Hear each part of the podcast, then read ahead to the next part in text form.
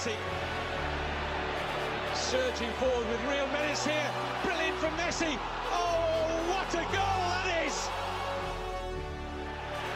It defies description. How about sensational? How about superb?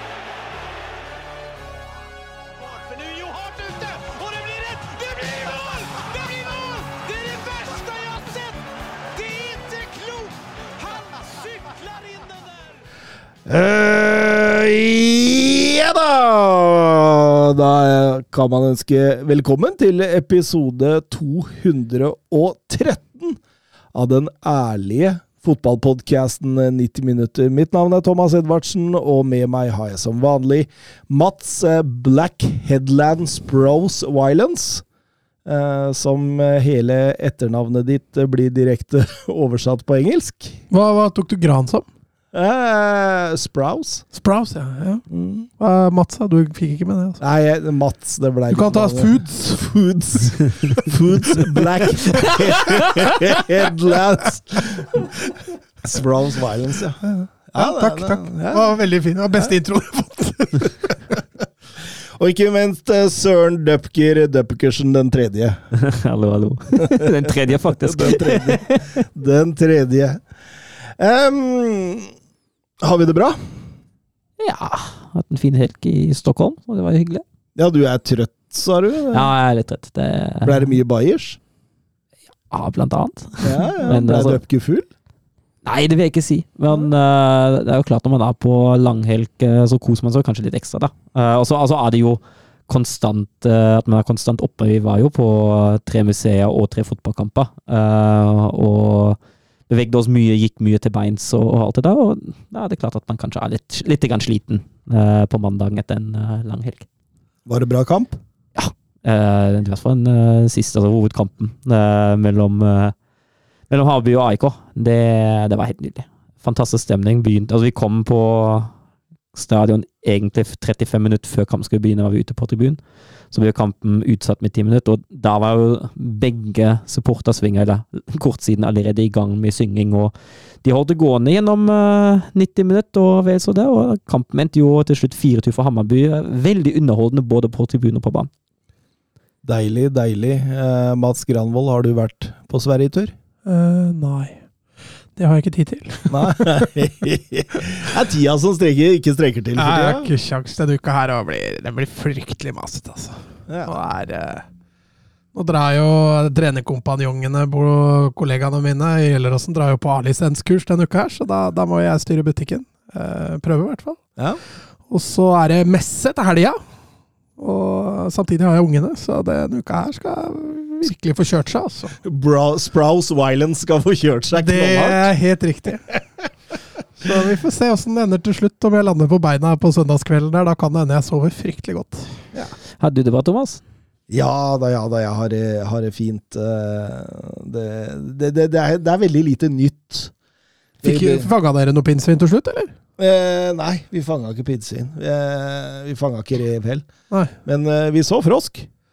Ja, det er jo nesten like bra, det. Mm, mm. Vi var på dyresafari her eh, seint lørdag kveld. Faktisk så seint at eh, en av dem gikk i pysj, faktisk. Så, så seint var det.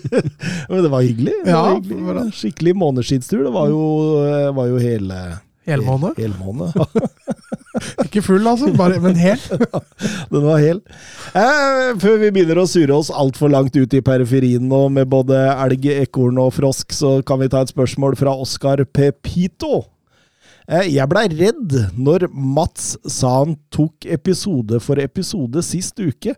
Dere kan jo ikke legge ned helt seriøst. Dere er 100 ganger bedre enn hvilken som helst annen podkast, og 1000 ganger bedre enn fotball-TV. Sorry, søren. Jeg har mange med meg når jeg sier at vi trenger dere. Teller du på knappene, Mats? Jeg gjør som Erik Cantona, vi legger opp når vi er på topp. Er ikke det, er ikke det vanlig? Er ikke det det lureste? Altså, når jeg sa det, så mente jeg vel at uh, vi tar det uke for uke, hvilken dag, hvilken tid vi gjør det på. Uh, for det må flettes inn i et ellers ganske tett kampprogram her. Eh, at vi har snakka om å legge ned, det, kan, det, har- det møtet var ikke jeg på, i hvert fall. Nei, vi har, vi har ikke det, Søren. Nei, nei, nei, vi har ikke det.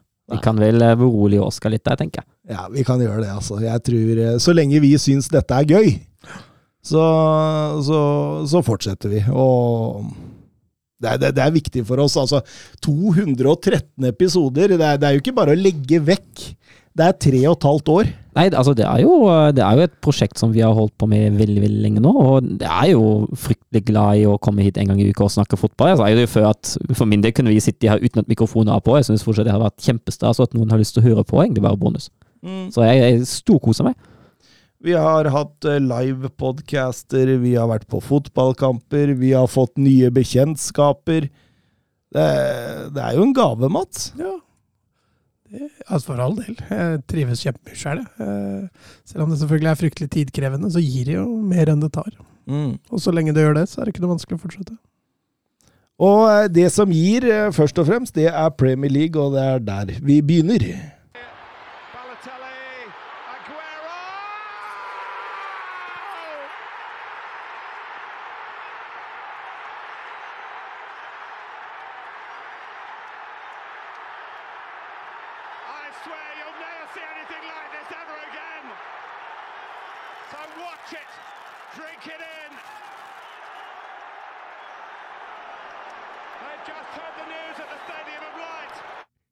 Yes! Vi begynner med Burnley mot eh, Tottenham. Eh, Tottenham som sikra seg Brenn Johnson på eh, overgangsvinduets siste dag. En avtale verdt ca. 47 millioner pund. Det var dyr. Ja, dyrere enn Madison, faktisk. Ja. Så da bør han være rimelig god. Jeg tenker meg at det er At Postecoglou sannsynligvis har blinka han ut, tenker jeg, og sagt han skal vi ha. Må jo se et eller annet der i systemet. Ja, så jeg tror jeg han er ganske Altså, han er ganske dynamisk og, anvendelig. Da. Eh, Du kan bruke den på alle de tre frontposisjonene der, tror jeg. Og du ser jo hvor mye han verdsetter fart på kantene. Eh, Og så har man jo Ja, kanskje man har funnet nierløsningen etter den kampen vi så sist nå, men eh, ja, det gir i hvert fall en langt bedre dybde offensivt. Ja, for det gikk trått de første ti minuttene for Tottenham, men så så skrur de opp over tempo som uh, i hvert fall ikke Burnley hadde inne. Nei, Altså, Tottenham overbefolker så voldsomt i og rundt 16-meteren når de får flytta opp laget der. Og, og man ser jo i starten av kampen hva, hva det kan medføre når man gjør det, eh, men så ser man utover kampen hvilke gevinster du får fra det. og og det er klart Tottenham er jo her flere hakk bedre enn en Burnley, både individuelt, men også, også som lag. Og avstanden blir jo fryktelig stor etter hvert. Mm, mm. Ja, de eh, tar bare mer og mer over, og ja eh, Ja, fin kontring på 1-0. da. Mm. Der, der ser du litt Tottenhams problem da, når de, når de gjør som de gjør med å flytte bekka så høyt. Det blir enorm rom eh, rundt stoppera. Altså. i Burnley gjør det jo veldig smart når de utnytter rommet ved Romero istedenfor van de Ven, hvor de har litt mindre fart. Og så klarer de å, å flytte nok folk opp i boksen der, så kontrer inn 1-0. og det er litt som du sier, etter et kvarter der, så, så ser jo egentlig ikke Tottenham seg tilbake. Uh, får justert litt inn, kvaliteten øker. Uh, flinkere, spesielt på siste tredjedelen, til å treffe det de skal. Og, og da, Det renner jo bare inn der. Når Romero setter den i krysset, da veit du Du veit du har dagen, da. Madison herjer, eh, Son med hat trick. Det, nei, det, det glir godt for tida i Tottenham, og, og Tottenham vinner til slutt eh, meget fortjent eh, 5-2. Eh, Finn Jørgen Halvorsen. Tottenham spiller fantastisk fotball. Poster Cogley virker som the real deal. Madison leverer. Oduchi forbanna god.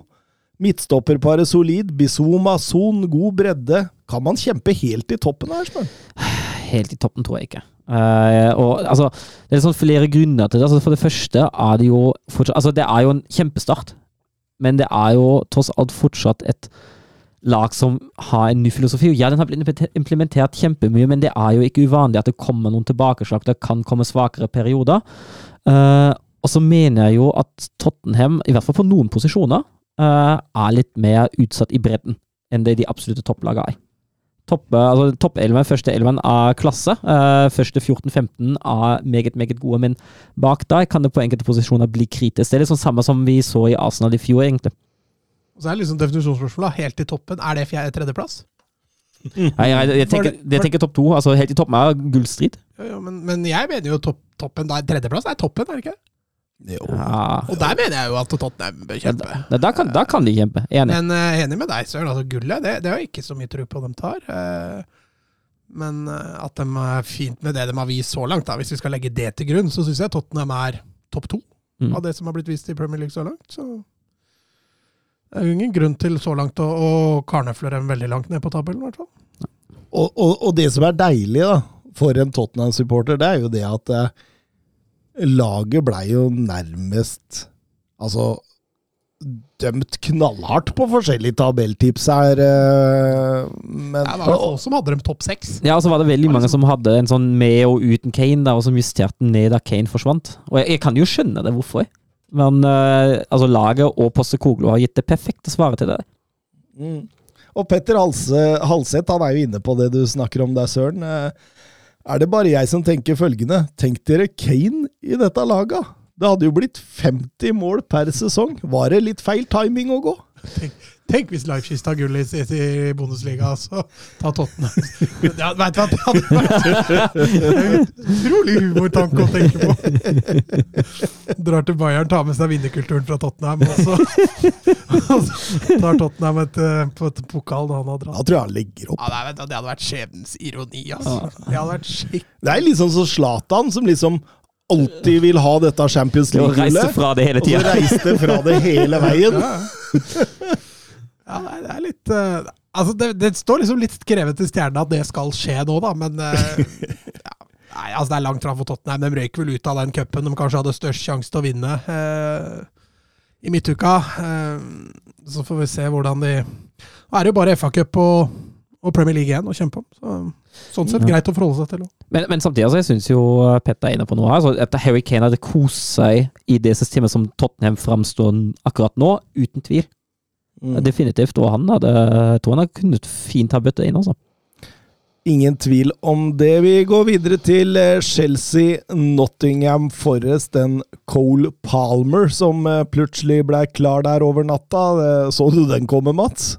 Nei, den var egentlig veldig overraskende. Både at han gikk fra City, men også at Chelsea Chelsea har for så vidt råd, da, men uh, At det går an for dem å fortsatt splatte, da. Eh, det er ganske, my det er ganske mye penger Ja, eh, for en spiller som har da, 17 kamper i Premier League og på ingen måte slått gjennom, selv om talentet der vis, har vist at det er ganske stort. Så De har kjøpt mye sånt nå. ja, de har gjort det. De har Talent, talent, talent. Jeg, potensial. jeg le, le, leste en, eh, en, en rapport på at de hadde ikke kjøpt Madison, selv om de var interessert, fordi han var 26. De skulle ha 25 og nedover. Og det, det er klart det, at da kan det være mulig å bygge et lag på sikt, men, men, men, men men, men jeg skjønner ikke helt den der tanken her, fordi altså, du må jo ha noen vannbærere, Ja. noen rutinerte karer også. Du, du, Ja, i, i, hvert fall når du skal opp i topp fire igjen, da. Uh, Så tenker jeg at En blanding av det riktige, og vi har jo sett altså på noen posisjoner hadde de hatt godt, altså særlig på spissplassen, og vi ser det jo i den kampen her igjen, uh, at på spissplassen har de hatt godt av en uh... Den bommen han har. Skyter, skyter over fra Han står omtrent inni i mål. Men hvor mye XG har de til slutt? Sånn rundt 2,5, og så klarer de ikke å skåre? Mm. Altså Nei, jeg, jeg skjønner det ikke helt heller, at man ikke, altså, man ikke har noen ordentlig erfarne barebjelker inn i det laget. Altså, som den Thiago Silva-overgangen for noen år siden. Han var eldgammel, men han har levert i Chelsea. Mm. Og det er akkurat sånne type spillere som kan fint hjelpe å lede et ungt lag på et nytt nivå. Som kan egentlig framskynde prosessen som Chelsea åpenbart prøver seg på nå, altså. Ja, absolutt. Og, og, for eksempel Madison inn der. Ja, det hadde vært gull. det kunne vært veldig bra. Altså, eh, litt over på den der med nieren og Nicholas Jackson. Eh, Matt sa i forrige episode at han er nesten for bevegelig til å spille nier i Chelsea. Og jeg syns jo denne kampen bare beviser dine ord der. Altså, han er jo alle andre steder enn der ballen stort sett kommer. Eh, Ja, og, når han er i boks, ja. ja, og, og når han er der, så Så skyter han over fra to meter. Nei, altså, jeg syns han ser eh, ah, Altså, hvis du får slip den diamanten, da, for du ser råtalentet er jo der. Eh, du ser han er flink med ball, han har bra fysikk, han er hurtig. Så, så det, er, det er et bra råtalent der, da, men, men det virker som det er en ganske stor jobb å forme det. Eh, og, og dette er ikke gjort over natta, så Chelsea må finne ut hvem som skal skåre måla, for det har man jo sett i kampene nå. Chelsea skårer jo ikke så mye mål, og Stirling er jo altfor variabel til å kunne stole på han også, så jeg Altså, det blir bare mer og mer merkelig at de ikke tok denne Lukaku Dusan Vlaovic-dealen de kunne ta. Nei, og, og det har vi vært inne på. Altså, han hadde jo passa perfekt inn i den måten, i den måten Chelsea spiller fotball på. Så har de nå som Stirling eh, skaper så mye rom og egentlig faenskap ute på kant. da. At man ikke har en sånn ekte nie, en sånn boksspiller, en fysisk sterk en. Det kan koste dem en god del poeng, altså. Ja, fordi det, det, det, det er så rart, det der greiene der, at man plutselig da skal splæsje 40-45 på Cole Palmer, som faktisk var mellomlegget mellom Lukaku. Så hadde du bare blitt kvitt Lukaku. Og så hadde du fått inn Dusan Vlaovic, som kan være spist der i 5-6-7-8 år, og som har noe annet, og, og, og som har noe annet enn det de andre framme på der har. Altså, fordi vi har vært innom det at det er veldig mange stikkere. Folk som stikker på løp hele veien. Altså, her har man jo en som kan ta imot ball feilvendt. En som er Ja. god i boks. En som er smart i boks. Uh, nei, jeg, jeg syns det der, der er veldig rart, altså. Ja, det blir jo bare foreløpig vært ganske tydelig da, hva det mangler. Uh, Selv om vi fortalte jo det før sesongen òg, så Så um, det har vel egentlig bare blitt understreka så langt, og den Forrest-matchen, den Altså, offensivt er det fryktelig tynt, altså. Det er lite relasjonelt. Det er svake prestasjoner foran mål. Eh, nesten litt skremmende i perioder. Og Porcetino nå har begynt, nå begynte han med en 4-2-3-1, hvor han hadde Shilwell på venstre kant, og Colville som venstre back. Det funka ikke. Nei, det, Colville ble helt satt ut av det. Eh, Men Nottingham Forest vinner eh, 1-0. Antony Elanga nok en gang har jo vært det kanonkjøpet for dem. Eh, Supersub. Hørte Peter Wæland sa der at eh, siden sesongstart 21-22 har 72 spillere fått spilletid for Nottingham Forest.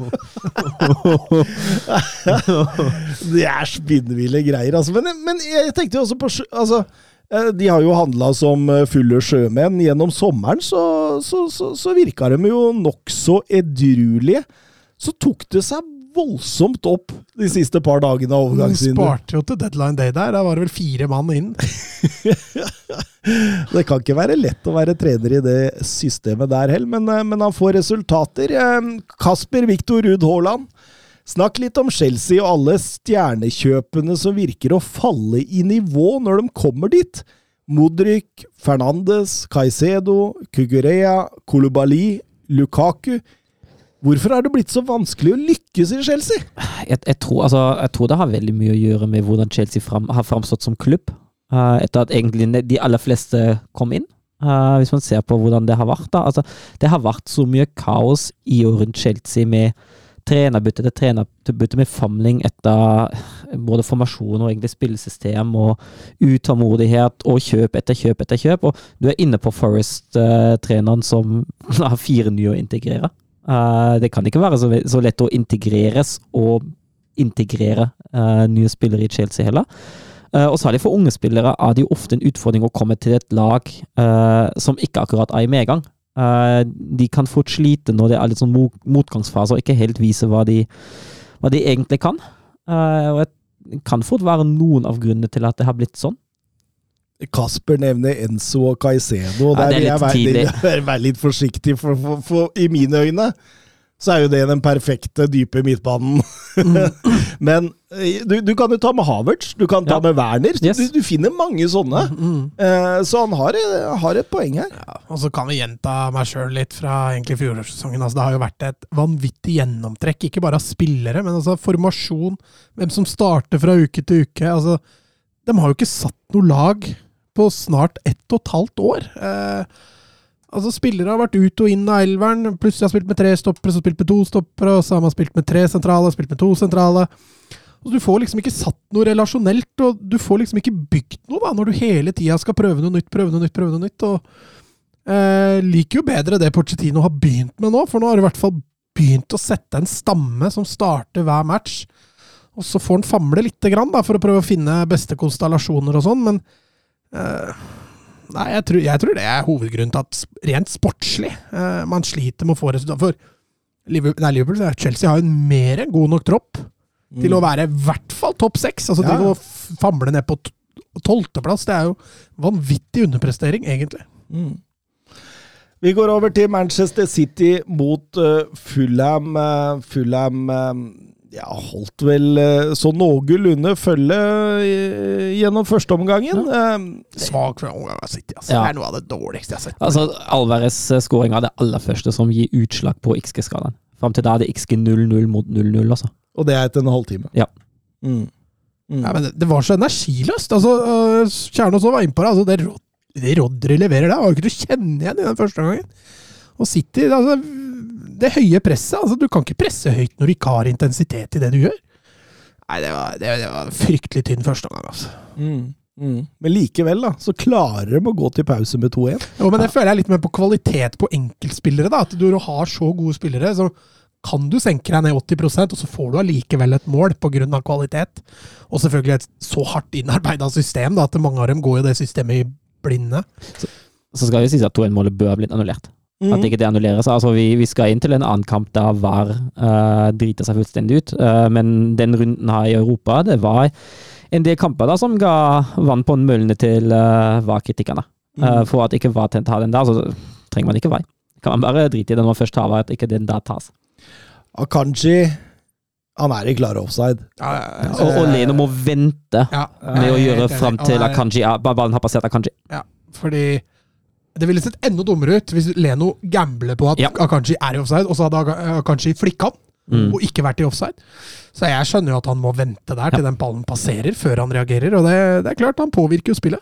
Mm. Uansett om han ikke er nær ballen. Påvirker spillet. Mye av det samme man også ser i annen omgang, men da kommer det noen sånne små eksplosjoner som eh, gjør at det er en nordmann som skårer hat trick igjen. Eh, Ja, det, er, eh, det er klasse. Haaland eh, Altså City og Haaland får kampen virkelig inn i sitt spor i andre omgang der, når de får 3-1. Ganske fort der i andre omgang så, så går også lufta litt ut av Fulham. Eh, fraværet av en par linjer på midten der blei etter hvert ganske synlig. Eh, og, og da baller jo bare på seg utover der. mm, mm. Oskar Bob bytta inn, og Horndal eh, lurer på om det er riktig vei å, å, å, å være i Manchester City, eller om han burde kanskje dratt på et utlån. Jeg tenker han burde dratt på et utlån. Eh, Jeg tror vi var inne på det for noen episoder siden, og jeg til det samme med deg. Eh, og liksom det I den alderen han er nå, eh, så tenker jeg at spilletid er så verdifullt. Eh, og så er det jo Hvis han har gått til Nederland, for eksempel, da, så har det vært en sakte tilnærming til toppnivå i Europa, eh, samt at nederlandske klubber er veldig veldig gode på å utvikle unge spillere. Uh, treningshverdagen sitter i Stjerna, den kan nok ikke erstattes, Uh, men jeg mener at uh, for Oskar Bopp nå som spiller, er det kanskje mer verdifullt å få matchpraksis jevnlig. Men samtidig, da, å ha Pep Guardiola som trener Ja, det er jo konge. Hvis han er klar på at du skal formes Jeg tror ikke det fins noen bedre spillerutviklere der ute som kan forme deg, enn han. Nei. Men det er klart, jeg tror du må være på godsida hans. Det nytter ikke å bli som Zlatan, hvor han til slutt bare fryser deg ut og ikke prater med deg. Men hvis du er på godsida, og Pep prater med deg hver dag og coacher deg, og, så tror jeg ingen læremester er bedre. Så, Altså. så det blir en gambling, men Ja. oppsiden er veldig stor hvis du Ja. treffer, da. Jo, men jeg, jeg er for så vidt enig med Søren, fordi kamphverdagen Jeg hadde jo en lang diskusjon for mange år siden angående Martin Ødegaard når han gikk til Real Madrid. Selvfølgelig, treningshverdagen, der er, den, den går det jo nesten ikke an å matche. Hvis du skal på et utlån. Men eh, kamperfaringen er så viktig da, for en ung spiller. Det å spille regelmessig på et høyt nivå, det Altså, jeg det er vanskelig, altså. Jeg kan ikke være så bastant. Men, men treningshverdag kontra kamphverdag. Eh, begge deler er veldig viktig. Og så, og tenker jeg altså for eksempel Cole Palmer, da. Altså, vi har jo snakka om ham ganske lenge som et talent. Nå begynte han å, å seile over for ett og et halvt år siden og sånt. da. Eller sånt. Altså, han har ikke fått mange matcher da.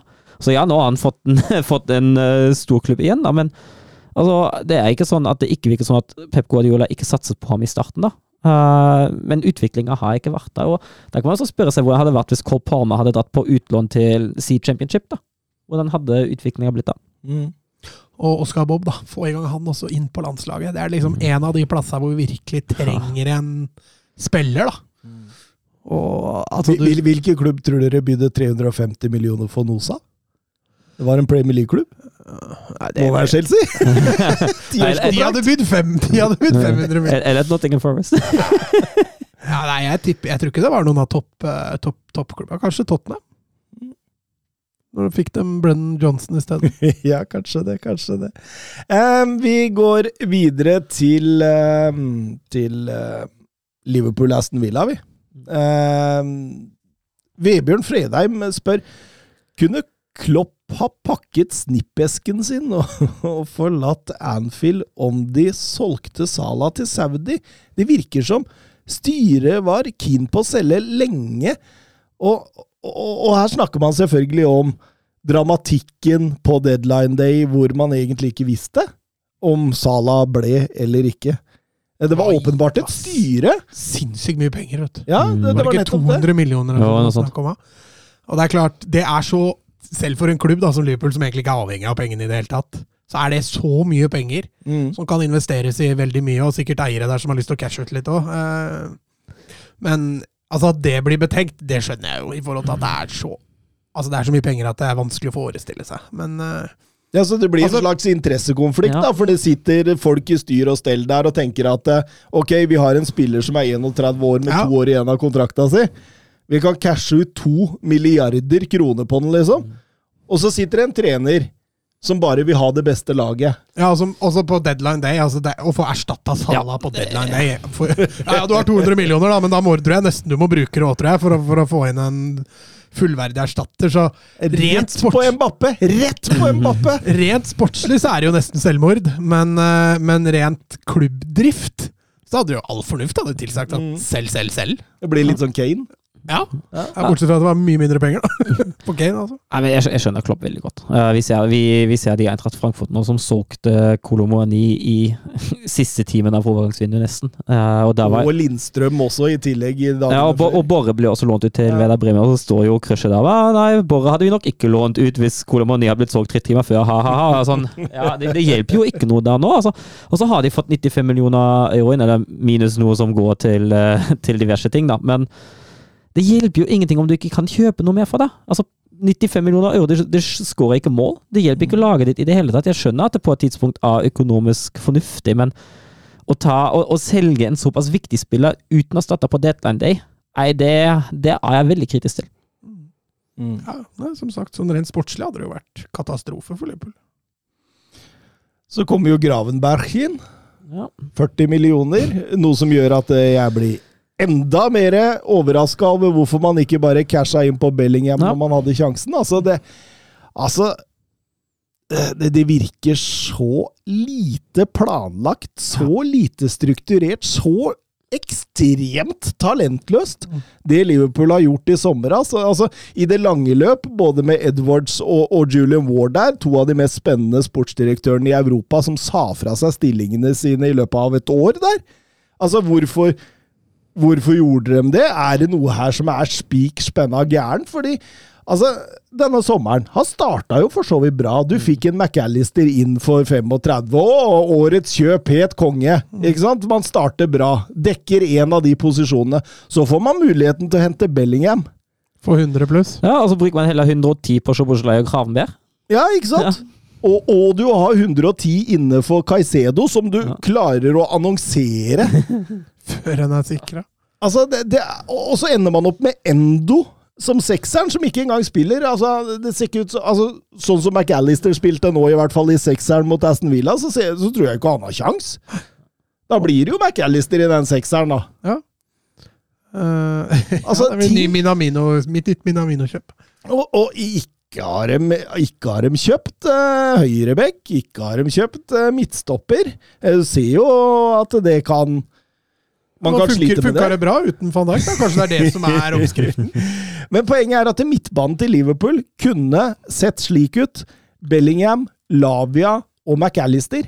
Hvis du virkelig hadde brukt pengene smart og, og, og, og vært kloke, så kunne man brukt Curtis Jones og Harvey Elliot og sånt i, i eh, diverse eh, kamper. Men, men nå ser han altså ut som Altså McAllister, Endo, Soboslai med en Gravenberg et eller annet sted.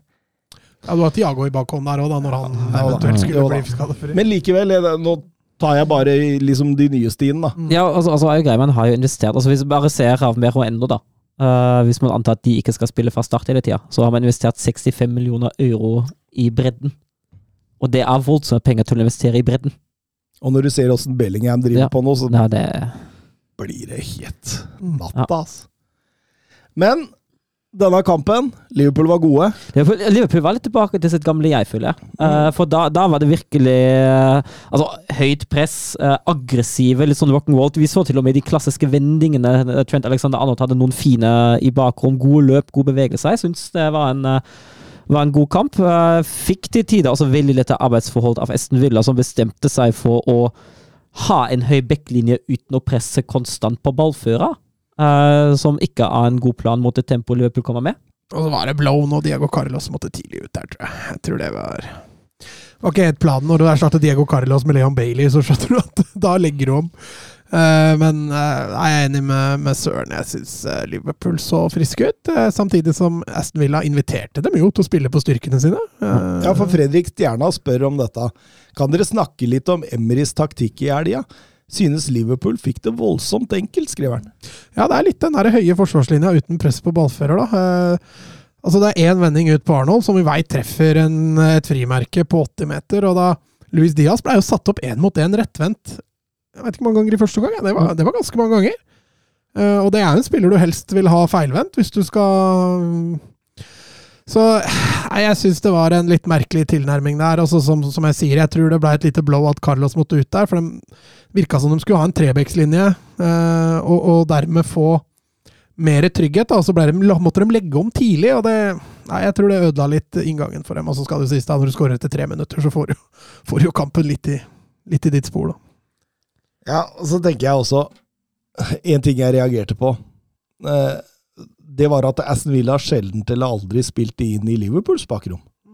De, de, de ble bare stående med småspill på midten og, og, og prøve å vende ut på kant hele tida, men innimellom der så var rommet så stort at altså, man, har, man har Watkins, Diaby og Bailey framme der. Ja, og når du veit du skal løpe da rett mot Arnold og Gomez og Matip, så bør du jo Ja, Bør jo, bør det jo- rart. utfordre dem litt oftere, da. Eh, Nei, det er jo vanskeligere å forsvare seg når du har nesa mot eget mål. Mm. Men eh, ja, eh, Liverpool gode. Kanskje den beste kampen jeg har sett av dem på en god stund, faktisk. Mm. Salah gjør 3-0 der etter 54 minutter, og da er det game set match. Da blir det mer sånn Liverpool kontrollerer Aston Villa skadebegrenser, og så, og så blir man enig om at uh, dette var det. Uh, var inne på det i stad. Jeg syns McAllister tar sekserrollen strålende. Eh, han er så, som svenskene kaller det, ballskikkelig. Så han, så han er veldig Altså, han, er, han overgår Fabinho i den type spill, når han får ball og kan sette opp kombinasjoner og, og eh, vende og, og, og legge inn bak.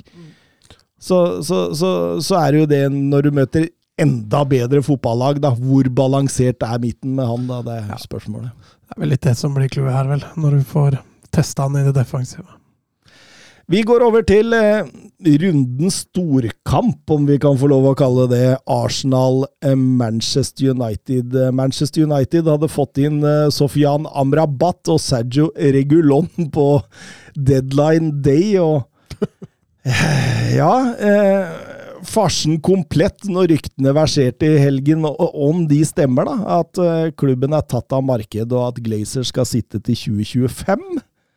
Eh, har jo lenge tenkt sjøl at det måtte kunne skje, fordi transfersommeren har jo på en måte ikke vært en transfersommer hvor man hvor, hvor det i hvert fall historisk da, ligner en eier som skal ut av klubben. Her, her ligner det en eier som skal fortsatt sitte. Eh, Så, så jeg var ikke veldig overraska over den, men, men eh, kommer inn til kampen der. Har fått godt betalt, eh, skal møte et Arsenal-lag som har vært litt varierende. og blir vi egentlig spilt av banen de første 20-25? Ja, det er et voldsomt Arsenal-trykk som etablerer seg helt fra start. Det var Eh, gode gamle Arsenal fra i fjor. Ja, klar, altså, klar, rett og slett altså, God offensiv markering. United kommer seg aldri ut av, eh, av et høytstående Arsenal-lag, egentlig. Og det eneste som mangler, er jo egentlig altså, Det er, det er noen muligheter Arsenal har, men de, de får ikke helt betalt for den fasen de har i. Eh, men at de er det helt beste laget i banespillet, utvilsomt. Altså, er jo egentlig skåringer som kommer fullstendig mot spillets gang. Artig å se på Onana. Hvordan de bruker spiller nå, liksom, eh, kontra det de gjorde med David De Gea. Eh, Spiller på en helt annen risiko bak der, altså. Mm. Men altså Nå hopper jeg veldig i kampen når Harry Maguire blir bytta inn. Arsenal-fansen jubler. Det er nesten synd å le. Det er så synd på Maguire. Men humor. Jeg ble sittende og le for meg sjøl. vi, vi skal over til Maguire seinere, Mats. Jeg veit du gleder deg. Men eh, ja, helt enig, Søren. Eh, Når Rashford setter eh, 0-1 der, så er det jo mot spillets gang. Men- og Arsenal svarer jo ganske raskt med Ødegaard, og da, men likevel da så, har, så, så jevner kampen seg litt ut. Uh, men, jeg, men, men jeg blir sittende og tenke, da. Hva er planen til Manchester United offensivt her? Hva er det de vil? Fordi for meg så var dette Manchester United tilbake til Ole Gunnar Mm. Solskjær, hvor man liksom på en måte skal bare kontre, bare vende ut mot Rashford, som skal prøve å sette opp han én mot én. Hver eneste gang. Har de ikke noe mer å komme med enn dette? Det, jeg syns det er merkelig, for det ser nesten ut som at eh, vi er et lite lag som skal møte et stort lag på bortebane, og vi er fornøyd med uavgjort. Der ligger hele taktikken, syns jeg. Ja, og det, det, er jo, det er jo i så fall noe som ikke kan gå sammen med selvforståelsen som Manchester United som klubb, da. Eh, ja, Arsenal har vært gode. Det er en toppkamp, som du er inne på. Selvfølgelig er det to storlag som møter hverandre, men at Manchester United skal ha den innstillingen når de dukker opp, uh, dukker opp borte mot Arsenal, det, det skjønner jeg ikke noe av. Altså, altså sa de nå de har jo, altså Det er ikke et dårlig lag, det er ikke et Manchester United-lag som trenger å gjemme seg for så mange andre, da. Nei. Med tanke på, hvis du ser rein tropp, da. Absolutt ikke. De, er- de har brukt godt med kroner òg. Ja. Eller pund. Og da, da, det heter borte. da, skal man jo, da skal man jo egentlig kunne forvente at det laget da kan stille eller noenlunde spillemessig likeverdig mot et lag som Asa, da. Ja, ikke sant? Og så ser jeg noen snakker om skader. Jo da, og skader skjer sånn. så Altså, skjer. Det skjer. Det hele tida. Med alle. Men når du bruker 500 millioner euro på, på ca. et år da har du også gode forutsetninger for å kunne håndtere dem. Du bør ikke spille med Evans og Maguire da. Nei. Eh, Avslutte kamp med Evans og Maguire. men eh, vi, vi, vi har veldig lyst til å snakke om Maguire sin. Men eh, først straffesituasjonen. Ian eh, Mæland eh, skriver til oss. Kan dere snakke om straffesituasjonen til Havertz? Jeg er enig med VAR at det ikke er straffe. Men Rashford i forrige uke, den var helt identisk, og da blei det straffe. Vær så snill å forklare meg. Eh, The Real Brady Hangeland ønsker også at vi skal snakke om dommeravgjørelser og, og den inkonsekvente delen ved det. Ja, det er den røde tråden her som er fraværende. Altså, vi kan jo rope, vi kan jo si det. Altså, det er jo kontakt. For det er jo det. Men uh, jeg er jo enig i at han går fryktelig lett over ende der. Og, men jeg trodde ikke VAR kom til å gå inn og ta den. Men det er fryktelig deilig at det ikke blir straffe, egentlig. Åh, det, er, det, er, det er litt fint at det ikke blir straffe deg. Uh, men jeg tror veldig mye handler rett og slett om kvaliteten til dommeren også. Jeg, dessver- det, det, jeg tror dessverre det er så enkelt. Eh, Han står og- jo perfekt plassert, ja, dommeren. ja. Og når jeg, når jeg hørte, eller leste det intervjuet med godeste Mike Dean og den uh, Cocoriera Romero-situasjonen fra forrige sesong, det går på kvaliteten til dommerne. Det det det er det, det går på. Altså Altså, at, at dommere i Europas kvalitetsmessig beste liga skal være såpass elendige at det ikke er en rød tråd. At, at de ikke ser ting som er egentlig forholdsvis greit å se, og som du er inne på, Mats, med plasseringer og sånt. altså Det skal egentlig ikke gå an. Jo, men her, også må jo VAR inn og ta sin, Ja, ja, ta sin del av skylda. Da, for selvfølgelig. det- De går inn og annullerer den straffa her, mens mot United så, så gjør de ikke det. Eh, Så, og begge ble jo dømt straffe. Ja. Så ja. Og så blir jeg, det, det blir så synlig når man eh, gir gult kort for å hindre en overgangsmulighet, og så ti minutter etterpå så gjør man ikke det. Ja. Altså, De tinga der de fatter jeg ingenting av, og Ja, det, det ser du veldig ofte. altså. Og nå begynner de å slakke litt på den protesteringa fra Ja, det er fryktelig irriterende. Mm. For den regelen gleder jeg meg til, altså. Mm. For jeg, jeg er lei det der. Men eh, ja Grunnen Det er mennesker. mennesker og skjønn. Det er, det, er, det er vanskelig. Det er det. Men, men jeg skulle forvente en klarere rød tråd enkelte steder. Altså, altså, så skal du si så mye som mye. Altså, eh, Ten Hag sitter og, og kjefter dommera opp av dage etter, eh, etter kampen der. Og så, så, så veit jo alle Alle husker Onana mot Wolverhampton. Alle veit at Bruno burde kanskje fått det røde kortet mot Tottenham. Alle veit at Rashford sin straffespark mot Nottingham Forest var, var billig. Altså, hvis han er ute da og sier at denne Kai Havertz at han burde ha gult kort, det var ikke straffe. Da, hva, hva syns han om sin egen eh, straffe med Ja, men- Rashford mot Nottingham Forest da? Altså, det, det blir så dumt, da! Ja, men jeg, jeg, jeg, Sånn er det jo min internasjonale fotball. Altså, du, det er, alt handler jo om å manipulere dommera. Ja, for det, det, det, det, det er akkurat det, da. Altså, jeg, hver gang jeg ser kamp, så ser jeg trenere oppføre seg som øh, Jeg vet ikke, stukket av 50 veps på sidelinja der. Og det er avgjørelser som ikke er litt omstridt engang. De er ganske klare, men likevel klarer de å kjefte og protestere og sånn. Og det handler jo om å påvirke at ikke dommer, altså at dommeren skal ha det vanskeligere uh, å dømme mot dem neste gang. Vet du hva hun som er verst i klassen der? Mikkel Arteta. Ja, Te- Ja, Teta. Arteta Ja, ja, ja, har vært grusom nå, altså. Enig. Han ser jo ut som det, det er nesten så det tar fyr i den Playmo-sveisen hans på, på sidelinja der. Men, altså, men altså, altså, om det er noe Frank Schmidt i Heidenheim, Jørgen Klopp i Liverpool, Arteta, Angelo altså, Du, du, du nevner noen ja, ja, ja. Men, altså, men alle altså, det, Og det er, det er så irriterende. Og det eneste, eneste grunnen er jo egentlig altså, de, de skjønner jo sjøl De skjønner jo selv at de protesterer på noe som er tull. Mm. Men det handler om at det ikke skal være så lett å dømme mot Heidenheim, Arsenal, Liverpool eller insert club name. Altså Røde kort union i helga òg. Det er soleklart! Skjønte ingenting. Det er klinkende klart. Fy fader, den var grusom.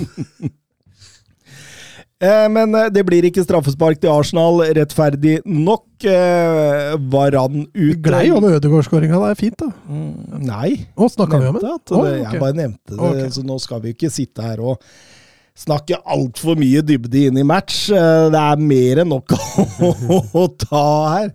Men eh, så kom jo skaden på Lisandro Martinez. Ja, matchavgjørende, det. Eh, Maguire må inn. Etter hvert kommer også Johnny Evans. Johnny Evans inn. Og Snakk om å bytte seg ned. ja, eh, Steffen Hansen skriver jo Maguire og, og Evans, og så bare masse latteremojis etter det der.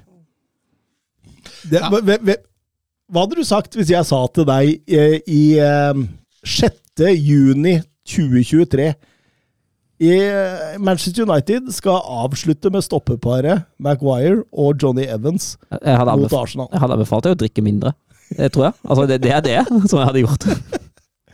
Det er jo hinsides. Åssen har de klart å havne i denne situasjonen? Ja, det er, det er helt uforståelig. Eh, United, liksom, som er der dem er, og John Evans, som er der han er. Men eh, nei, de er jo havna der, da. Eh, Og det blir jo matchavgjørende, som sagt. Mm, det, det gjør det. Eh, Arsenal eh, får etter hvert et ganske bra trykk.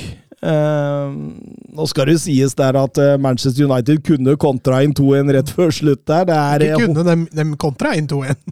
marginal offside. Får Tor Ole Skulder til, å rope 'Det er derfor vi har VAR!' Hvor Kasper Wikestad sier 'Å, må roe litt ned nå'. ja, det var fint. Eh, og så kommer dette trykket. Rice helt alene på bakerste. Ja, løpa går inn fra bakerste, som uh, gjør at Rice blir stående helt aleine der. Ingen følger han. Eh, en av folk du egentlig bør prioritere å følge på corner. Mulig det gikk litt i surr med alle byttene på slutten der for United, men han eh, Ja, altså for all del bra satt, og altså får ned i korthjørnet der. og Via Edvedt. ja, det er litt flytt, selvfølgelig. Og, og han går vel via Onana òg, som ikke rekker ned, men Ja, det ble en grei eh, forløsning, det der. Ja, Jesus eh, med et sånn han kaller det magisk Ja, når, han venter av Han, den piss, han pisser på United der, Ja. faktisk. Han gjør det, og eh, da vinner Manchester United ikke noen hjerter. Det er Arsenal som vinner den. Eh, masse spørsmål. Jonathan Hobber, hva, hva syns du om Høylund sin debut? Nei, altså, han ser ut som en pakke, faktisk. Han er bedre feilvendt enn jeg trodde han skulle være. Eh, nå er han jo fortsatt rusten, da, så det var litt tidlig å gi en dom. Men eh, det skal bli artig å følge med han i kamper hvor United har mer overtak eh, og styrer mer. Eh, for da tror jeg han kan komme enda mer til sin rett på akkurat det fysiske. da. Mm. Og så veit vi jo at han har enorm fart, sånn at han passer jo inn i et United som skal kontre. Jørgen Nystuen, har man forstått Havertz-kjøpet enda? Hva er tanken her? Hvilken rolle har han? Hvor vil man med han på banen? Spørsmålet er mange, skriver han. Ja, Vi har jo ikke fått noe svar ennå. Eh, Den kampen her ga heller ingen svar. Eh, Er vel indirekte skyld i 0-1-skåringa der, hvor han nesten helt umotivert spiller bort ballen og blir kontra inn eh, 0-1 der. Så. Og så prøver han å filme til seg straffe etterpå, så jeg syns ikke han kommer noe godt fra det, nei. Absolutt eh, ikke. Og så får vi en del spørsmål både fra Eivind Stølen og Lattis-type på Twitter angående Sancho. Og, og, og etterfølgende der, fordi etter kampen så eh, blir det mer trøbbel for Erik Den Haag. Fordi han får noen spørsmål om Jaden Sancho, hvorfor han ikke er med i tropp. Han er nesten litt for ærlig, han. Ja, ja eller om han var det. Det er litt vanskelig å si. Ja, for han sier jo det at det, det, det handler om treningsuka. Ja, At han har vært for dårlig. Ja. Det er jo et hint om det. At han føler andre har vært bedre. Ja, og så, og så kommer Sancho på banen og skriver i, i sosiale medier at eh, Eller han kaller rett og slett Erik Den Hagen løgner. Mm. Og, og, og sier det at 'jeg har trent bra'. Jeg har vært uh, god på trening. Uh, han må slutte å ljuge, liksom. Ja, og det er jo altså Det, det, det er sånn man ikke vil ha Nei. oppå det hele. Men var ikke det vi sa i sommer? Selv Sancho! Dere må selge Sancho! Det sa vi når vi tok over Manchester United der. Ja. Mm.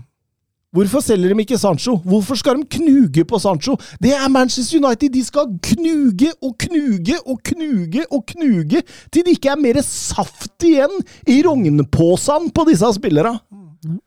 Altså, det, det, det er helt vilt, altså. altså. Man ser Jaden Sancho. Når, når du har Rashford, så har man ikke bruk for Sancho, fordi Garnaccio er hans arvtaker. Og så lenge du spiller med en så gjennombruddskant eh, kant som det der, er der, så vil Erik Den Haag ha en mer eh, kantspiller på andre sida som holder litt mer på ballen. Da. Det er derfor han går til Antony gang etter gang Ja. etter gang, for han vil gjerne at han skal fungere. Så jeg fatter ikke hvorfor de ikke må knuge på den! Nei, altså Det er jo to muligheter. Så mener de, som du sier, da, at de skal beholde den. Og vi har jo sett det på forrige spiller. Lingard trakk vel inn som et eksempel sist. Eh, helt klart. Eh, en annen kan jo være at man sto på en overdreven overgangssum som ingen andre hadde lyst til å betale. Det kan vel, vel, vel så Ja, men det er, det er jo Ja, det er jo det. Det er jo det. Det er jo det. For vi så det jo litt på Maguire òg, at den summen som de i utgangspunktet krevde, var jo altfor høy. Eh, og med Jaden Sancho, som er en god del år yngre, og i tillegg en offensiv spiller, så kan jeg fint tenke meg det der. De har knuga på Phil Jones, de har knuga på Smalling i sin tid, de knuga på Lingard, de knuger på Sancho. Det er ikke mulig å få kjøpt spillere omtrent fra Manchester United om du ikke betaler blodpris. Det er sånn det er. Mm, eller så går de gratis. ja, det er vel enda på visa, men jeg, jeg, jeg fatter ikke. Altså, så, så kommer Erik Ten Hag da, med disse stikka mot dommere, sier, og da, da sier det, han sier følgende, nummer én, Høylund skulle ha straffe, der er jeg ikke enig med han. Det er ikke straffe i det hele tatt. To, Havert skulle ha gult kort for filming når han ikke fikk straffe. Ok, det er jo for så vidt greit nok, men det har jo ikke noe å si for kampen. Nei. Eh, tre, Garnaccio sitt mål var ikke offside. Han mener VAR finner en feil vinkel. For meg ser det soleklart offside ut, eh, med blått øye. Ja, altså Men du trenger ikke noe Vink, altså, men vink, altså, det er jo hele vinkelen på, på kameraene som bedrar, da. Uh, altså Hva tra, trekker jo Klager han på det? Ja. Hva, hva trekker jo linja ut ifra Altså, og drite i vinkelen, da. Uh, og gudene skal vite, altså, jeg, jeg er kritisk mot vei, men det der med offset-linja, det er jo ganske straight forward. Ja, ja. Og målet til Rice skulle vært annullert, for han mener Evans burde ha frispark i forkant der med Gabriel, der hvor de to var like gode. Ja. Og da blir det litt Mourinhosk over dette her. Og da, dette, dette er nye takter fra Erik Den Haag. Åpenbart føler han presset nå. Åpenbart ser han at Manchester United ikke er i nærheten av der han tenkte de skulle være. Og nå har også overgangsvinduet blitt kritisert. Hvem har egentlig gått inn og forsterka elveren i det overgangsvinduet her? Eierskapet, det ligger diffust. Old Trafford råtner på rot. Treningsanlegget hadde trengt en extreme makeover, for å si det sånn. Og det strukturelle over Erik Den Haag det er mange der, i mange posisjoner, men hvem har ansvaret? Det er nesten ingen som veit åssen Manchester United styres. Hvem er det som står for innkjøp? Hvem er Det som står for... Det, det, det er ingen som veit, nesten! Altså, Det blir bare Murdoch, det blir kasta ut navn i øst og vest. Men det er liksom ikke noe klar Så her Det er så mye da som er diffust.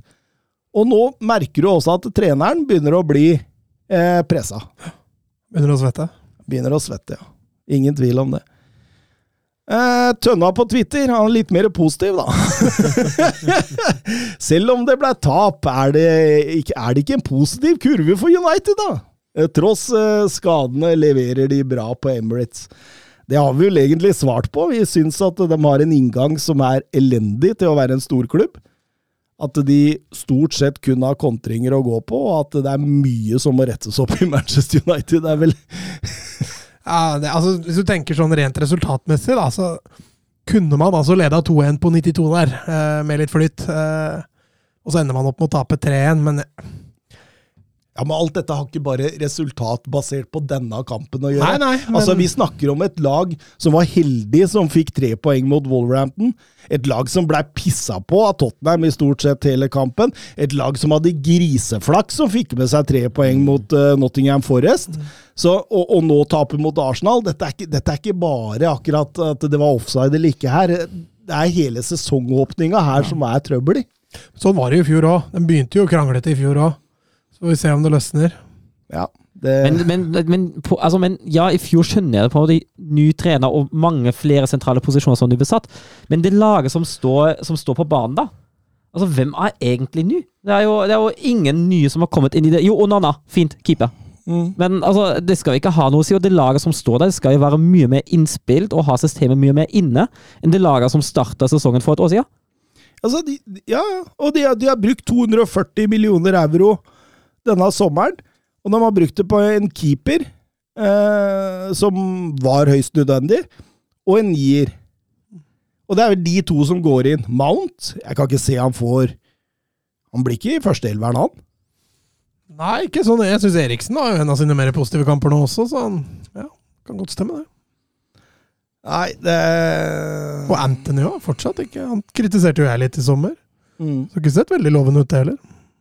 Absolutt ikke. Luton Westham 1-2 krigeseier for Westham, som fortsatt holder koken oppe i toppen der. Eh, Markus Andersen skriver et litt morsomt spørsmål. I et alternativt univers der United må spille med Maguire fast, Liverpool ikke får eh, til en skikkelig midtbane, og Tottenham er Tottenham, og Chelsea sparker Pochettino, siden han ikke blir med i WhatsApp-gruppa til Ted. Kan Westham spiller Champions League neste, neste år? Nei. Nei. Selv om han ikke får være med i WhatsApp-gruppa, så tror jeg, det, tror jeg det er andre lag som faktisk blir tøffere der. Men uten Moyes jeg, jeg, jeg tror Westham bare må vente på å bli ferdig med han, fordi han spiller en type fotball hvor det er et klart tak. Og, og hvis de skal ha videre utvikling Nå syns jeg laget begynner å se bra ut. Mm. Altså Paketa, Kudos, eh, Alvarez inn der. Eh, ben Rama, Antonio, Fornals er vel til tider inne der òg. Eh, Ward Prowse. Mye bra. Offensivt, i hvert fall. Litt sånn shaky defensivt, men Der er det jo greit å ha Moyes, da. ja, akkurat der er greit å ha Moyes. Eh, snakk litt om Edson Alvarez, sier Martin Stokken. Har gjort eh, Har gjort savnet til Declan Rice minimalt, kan man si, de første kampene. Ja, han har tatt nivået til Premier League eh, på, ekstrem altså, på en ekstremt god måte. Uh, skal jo innom en annen klubb uh, med ikke fullt så bra overgangsvindu òg. Altså, Dortmund kan egentlig kan egentlig skylde på seg sjøl at ikke de har henta han, hvis, hvis det er den formen han viser. Han var jo god i Ajax òg. Han var jo en, eh, han var jo en eh, veldig god spiller da han var i Ajax. Og har han bare tatt det med seg videre til Premier League. Og det er, det er en fordel for Westham, det. Ja, han har vært eh, knallbra. Brighton slår Newcastle 3-1. Eh, Newcastle går på nok et tap, selv om tapet stort sett har vært mot meget god motstand. Så Raser de nedover tabellen. De gjør det. Eh, Evan Ferguson med hat trick der, eh, strålende. Eh, Ansu Fati inn på lån. Uten opsjon. Det var litt av grunnen til at han ikke gikk til Tottenham. Ja, ja. Endre Tengren tror han blir en suksess i Brighton. Altså Det som er litt, er litt spennende der, da, er at, at han skal inn og konkurrere med, med Mitoma, tror jeg blir slitsomt. Men at han kan gå inn også og prestere veldig bra som nier, det tror jeg kan bli en suksess. Mm. Men der har jo Even Ferguson begynt virkelig nå, eh, så det skal bli spennende å se. Eh, Ansu Fati har vi jo sett potensialet til, så det er liksom om å gjøre å få det ut, da. Mm. Men Jeg tror ikke de skal spille for mye med han på høyrekant. Jeg tror ikke det blir noen suksess. Men jeg tenker jo det at Du Kan også bruke den i tieren, altså. gi den en sesong under Di Serbi. Det er ikke så dumt, sikkert. Nei, men så er det litt det derre Når du låner en spiller uten opsjon i den posisjonen Brighton er, da. Så er det liksom Du er litt redd for at han ender opp med å bli spilleren som kommer inn og, Ja, ja. og skal bare avlaste de som allerede er der, og så kanskje han spiller en kamp i Europa inn i ny og ne, men Nei, vi får se. Potensialet er jo skyhøyt. Absolutely. Vi eh, får gå over til eh, La Liga.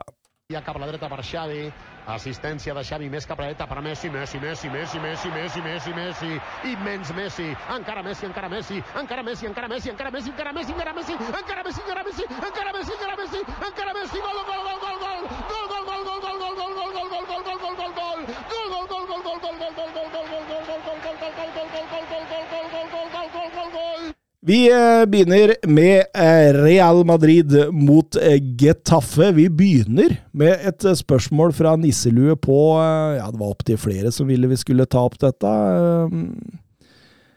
Og det omhandler ikke Real Madrid, men Getafe, og da skjønner vi vi skal til Mason Greenwood. Jeg blei veldig overraska da Greenwoods overgang til Getafe var lån.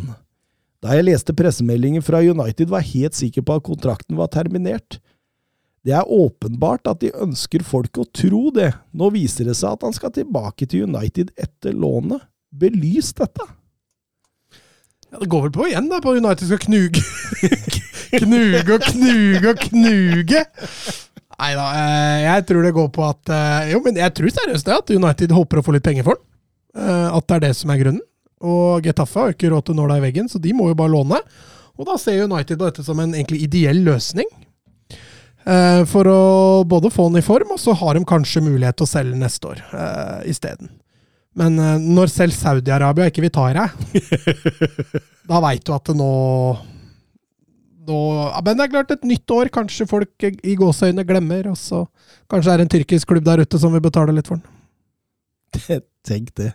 Men jeg skulle ikke forundre meg han kommer ned dit og skårer 20 mål, liksom. Nei, det er kanskje å ta i, men 15, da. Getafe, liksom. Mm. De, eh, de, de bryr seg ikke om omdømmet der. Nei, og videoen der ble jo slakta den der signeringsvideoen var jo Nei, jo omdømmeselvmord eh, av dimensjoner, egentlig. Men eh, kampen eh, mye mer interessant. Eh, første hjemmekamp på nye Santiago Bernabeu, selv om han ikke var helt ferdig. De hadde lukka taket til matchen der for å få litt sånn god flomlys-feeling. og Et Telenor Arena-feeling.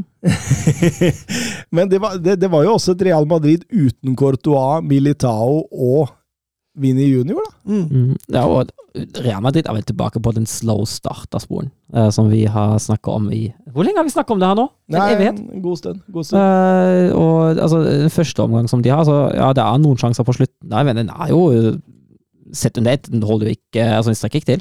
Det er ikke det nivået som Real Madrid skal ligge på. Nei, altså, det er klart. Getafe stabler en sentral midtbane med Alderete og Gené der. Det, det, det lukter jo defensiv fotball og smerte.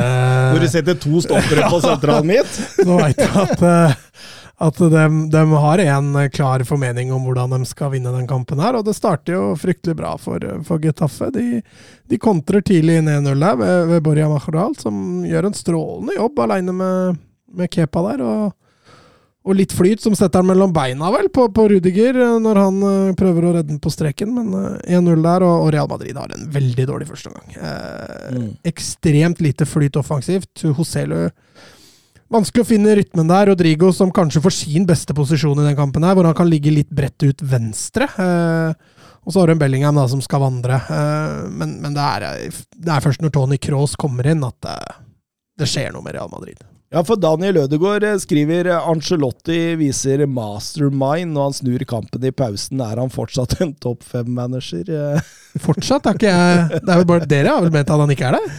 Ja, det, nei, det står vi der. Står, står jeg fortsatt med. det viser jo her at han er det, da. Nei, altså, nei, nei. nei. Han han, han, han Niko Kovac skal inn der! Nei, absolutt ikke. Han skal, han skal vi innom seinere. Ernst Postekoglu! Uh, nei, men altså men, an, an, Ernst! Ernst, Ernst Postekoglu! det er til og med fornavnet sliter med Ernst! Ernst Postekoglu! Men altså, Angelotti, ja, han korrigerer det som ikke har fungert fra start, og det, det er fint, det. Uh, men det betyr nå ikke at han er topp fem. Uh, jeg tenker jo en topp fem-manager kanskje ikke hadde havna i den situasjonen at man starta dårlig kamp etter kamp etter kamp etter kamp. altså, Alle har at den finner de riktige trekkene, ja, for all del. Uh, men jeg syns, syns, ikke prestasjonene til Angelotti har vært, har vært knallgode. Det er kun City som kan matche serieåpninga til Real Madrid. Ja, men altså, hvor, hvor mye tur har det vært? Ja, men altså, Det er første hjemmekampen i år, da. Spilt bare borte. Ja, men, altså, men altså, altså Han snur 0-1 hjemme mot Getafe, altså. Ja, nå er det djevelens advokat her. men jeg tenker Cross var strålende og banens beste da han kommer inn, for all del. Men det trekket med også å få Alaba ut venstre for å understøtte Rodrigo, det var eh, vel så bra. Ja, Fran Garcia hadde jo ikke Hadde vel en av sine svakere kamper den uh, runden her også. Ja, sist på 0-1. ja. Så han, han funka ikke, så det var kanskje greit å få, få gjort om den. Nacho Fernandes kommer inn og gjør egentlig Sånn som andre gangen blir, da, så er det helt greit å gjøre det byttet, da, for du blir liksom ikke utfordra så veldig på, på, fart lenger. og da, da kan Nacho fint fungere, og helt enig med deg, Alaba offensivt er jo ja, kanskje den beste forsvarsspilleren de har uh, i eh, Real Madrid. og Da, da kan det kunne være et smart trekk å få han ut venstre. Mm. Hoselu Øya tidlig 1-1. Hva er det Gené driver med der? kan jeg fortsatt ikke helt forstå. Og, og det, det, blir jo et trykk. Krås eh, dirigerer det eh, fullstendig der. og Det begynner å røyne på for Getafe, og du ser dem bli mer og mer slitne har kriga gjennom samtfulle 90 minutter der. Overtida nærmer seg. Og så, på overtid, Jude ja. Bellingham. Selvfølgelig er det han! Ja, han har vel ikke areal eh, Ja, det er en spisskåring verdig, det. Åtte poeng. Ja, det er helt, uh, helt uh, meningsløst. Femte målet på fire kamper. Ja. Sist en Real Madrid-spiller åpnet med det samme, var Cristiano Ronaldo. Ja, vi snakker midtbanespiller her. Altså, mm. Greit nok, han beveger seg jo litt i rom som en spiss òg, for all del, uh, men det er tross alt en midtbanespiller. Mm.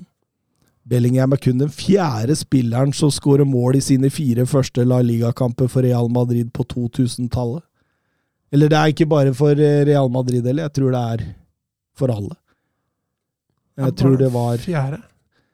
Ja, jeg tror Zlatan skårte i sine fire første for Barcelona. Det gjorde også Fabregas. Og så er det Cristiano Ronaldo. Ja. Mm. Så det er jo uh, Han går jo inn i et uh, selskap her, og det er jo faktisk lov å spørre seg hvordan denne sesongåpninga hadde vært uten Jude Bellingham. Mm. Ja, det, det, samme spørsmålet stilte vi jo etter forrige episode, og han understretter jo bare to streker under svaret her om at uh, Real Madrid har jo på ingen måte imponert så veldig i den sesongåpninga, og hatt litt flyt, egentlig, og det har de jo for så vidt også i den kampen her, men Bellingham har virkelig vært tungen på vektskåla. og Han drar det laget her nå, altså. Ja, han, han gjør det. Han er altså nødt til å gjøre det, for det er ikke så mye ellers offensivt akkurat nå. Nei, og Venitius ut og altså det, blir, det blir tynt offensivt. og Dette snakka vi også om før sesongen. at uh, de, har, de, har, ikke mange strenger å spille på. Altså.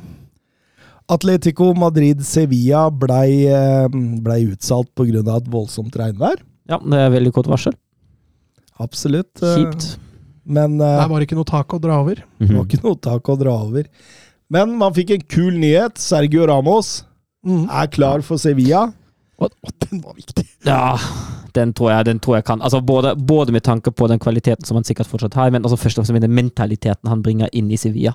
Uh, det kan faktisk, uh, kan faktisk bli en alvorlig forskjell, eller en viktig forskjell for Sevilla i sesongen som kommer, i hvert fall etter den starten som de har nå. Uh, man sender også et signal, både utad og innad, at man tar opp kampen. Så var det kult at han ikke dro til Al Nasser. Ja, det var fint. Sjuende far i huset kommer hjem og skal fikse problemet. Mm. Det Ja, Det har jo vært både positivt og negativt i fortida, det, da. Så får vi se åssen det går nå. Ja, men, Men det, jeg- det jeg kan tenk- ikke bli dårligere. Det var det jeg tenker òg, at her kan det i hvert fall ikke bli så mye dårligere. Eh, Osasuna, Barcelona. Eh, stor dag for Barcelona på deadline day, da de fikk inn eh, to ganger Joao eh, inn på låneavtaler. Eh, og, og El Sadar, det er ikke noe lett sted å komme til. Eh, de hadde i likhet med Getafe også en klar, klar plan her. Eh, om at her skal man ligge i muren, her skal man rett og slett få Barcelona til å jobbe sokken av seg, så skal man krige, og så skal man gå direkte i angrep. og det, var, det var ikke sånn at jeg på noe som helst tidspunkt følte at Barcelona var bekvem med denne situasjonen her. Nei, men jeg syns Barca starter greit. Eh, klarer å skape litt trykk, selv om de ikke skaper noen store sjanser. Så, så har de mye ball og presser Osasuna egentlig godt bakover i banen og er gode i kontradekninga, som blir liksom ikke kontra skikkelig på heller. Eh, og så syns jeg Osasuna er flinke til å spise seg litt sånn sakte, men sikkert inn igjen i matchen. Og, og det blir jo til slutt en stillingskrig utover i første omgang der. Eh, absolutt. Jeg tenkte da jeg så den kampen at det, det er litt sånn som du får når du møter Brentford hjemme. Ja, jeg frykta en ny kamp sånn som mot Getafe i serieåpninga. Mm. Det skulle bli ny sånn dritt. Spiller med mye energi der. De har trøkk, de har en klar identitet, og de veit Kynis- nøyaktig hva, ja, hva som skal til. Så. Men så får jo Barcelona et eh, heldig eh, mål rett eh, før pause. Et heldig. Ja, jeg, jeg, hva var det det var? Headinga til Kondé. Eh, ja, men hva, hva, skulle det vært corner? Å, Var det det du mente? Ja. Ja. det la ikke jeg merke til. Nei, jeg kan godt hende at det ikke det skulle Kan, jeg skal ikke si sikkert, det kan godt hende jeg har blanda i disse Ja, men- 20-25 kampene. For headinga til Kondé var strålende, i hvert fall. Ja, ja, ja absolutt. Eh, det var den. Mm, og, og, men de går til pause med 0-1. Det gjør de. Og, og da blir jo spørsmålet har Osasuna kvalitet til å komme tilbake der. For da, da endrer jo premissene seg med Mm. den skåringa. Men jeg syns jo likevel de står godt. Ja, for de lar seg ikke stresse. Altså, Så lenge det bare er 1-0, så, så kan kampplanen fortsatt leve. Uh, og uh, Barca sliter jo med å ta kontroll over kampen. Du sitter ikke i andre omgang og føler at dette kan Barca bare trille inn, for det, det hadde de ikke kjangs til. Eh, og når da Ezequiel Avila kommer inn der, eller Chumi Avila, da, eh, så For en kult spiller, altså. For Ja, det- en kultspiller. Han er deilig. Han hadde ikke spilt i Osasona hvis han ikke hadde fått den alvorlige kneskaden. Nei, da, han, i hvert fall, for et par år siden. her. kunne vel fort ha gått videre. Han, samtidig så det at han har blitt i Osasona, har jo gjort han stor i, i Osasona. Og stemninga går jo i taket når han setter 1-1 der. Vakkert, altså. Drar med seg ballet innover der og bare banker til stolpen. Ja, treffer han jo så bra, da, for han skyter i riktig tidspunkt. For Tørstegen ser ingenting. Han ser ikke utgangen på skuddet. Og da i tillegg er jeg helt borti stolpen der, så blir det vanskelig. Vet du. Og da var det 1-1. Eh, kanskje litt skuffa over Osasona i minuttene etter der. Eh, syns plutselig at da får de noe å forsvare. Mm. Eh, gjør at Barcelona kommer seg ut av det jerngrepet på en måte Osasona hadde eh, i den tida der. Jeg Må være tøff nok til å stå opp og fortsette å, å, å, å dra fordeler av det momentumet man har. Og, så, og da skjer jo det som ofte skjer. Eh, André Solberg han lurer på hva syns du om straffesparket?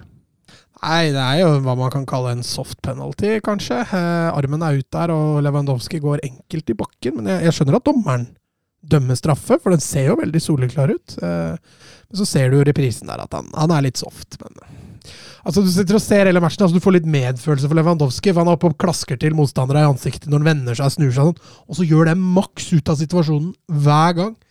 Så jeg får litt sånn medfølelse for Lewandowski eh, når han får den straffa der, og tenker at greit, da fikk du litt lønn for strevet likevel. Mm. Men er det rødt kort? Nei, jeg synes ikke det. Men det, det er vel det at når du først dømmer Ja. straffe der, så må du jo nesten følge opp, da, fordi det er jo en Det er liksom det, altså, han er jo, det er liksom det at han som bakerste mann hindrer en Ja. uh, kjempesjanse Han gjør det jo med vilje. og uten å ha et ærlig forsøk på å spille ballen, så er det reglene når først dømmer. Altså, det er litt sånn Men, Det, det er veldig men, svart-hvitt. men for meg så ser touchen til Lewandowski for lang ut. Ja, men, det- men, men det blir jo veldig hypotetisk, da.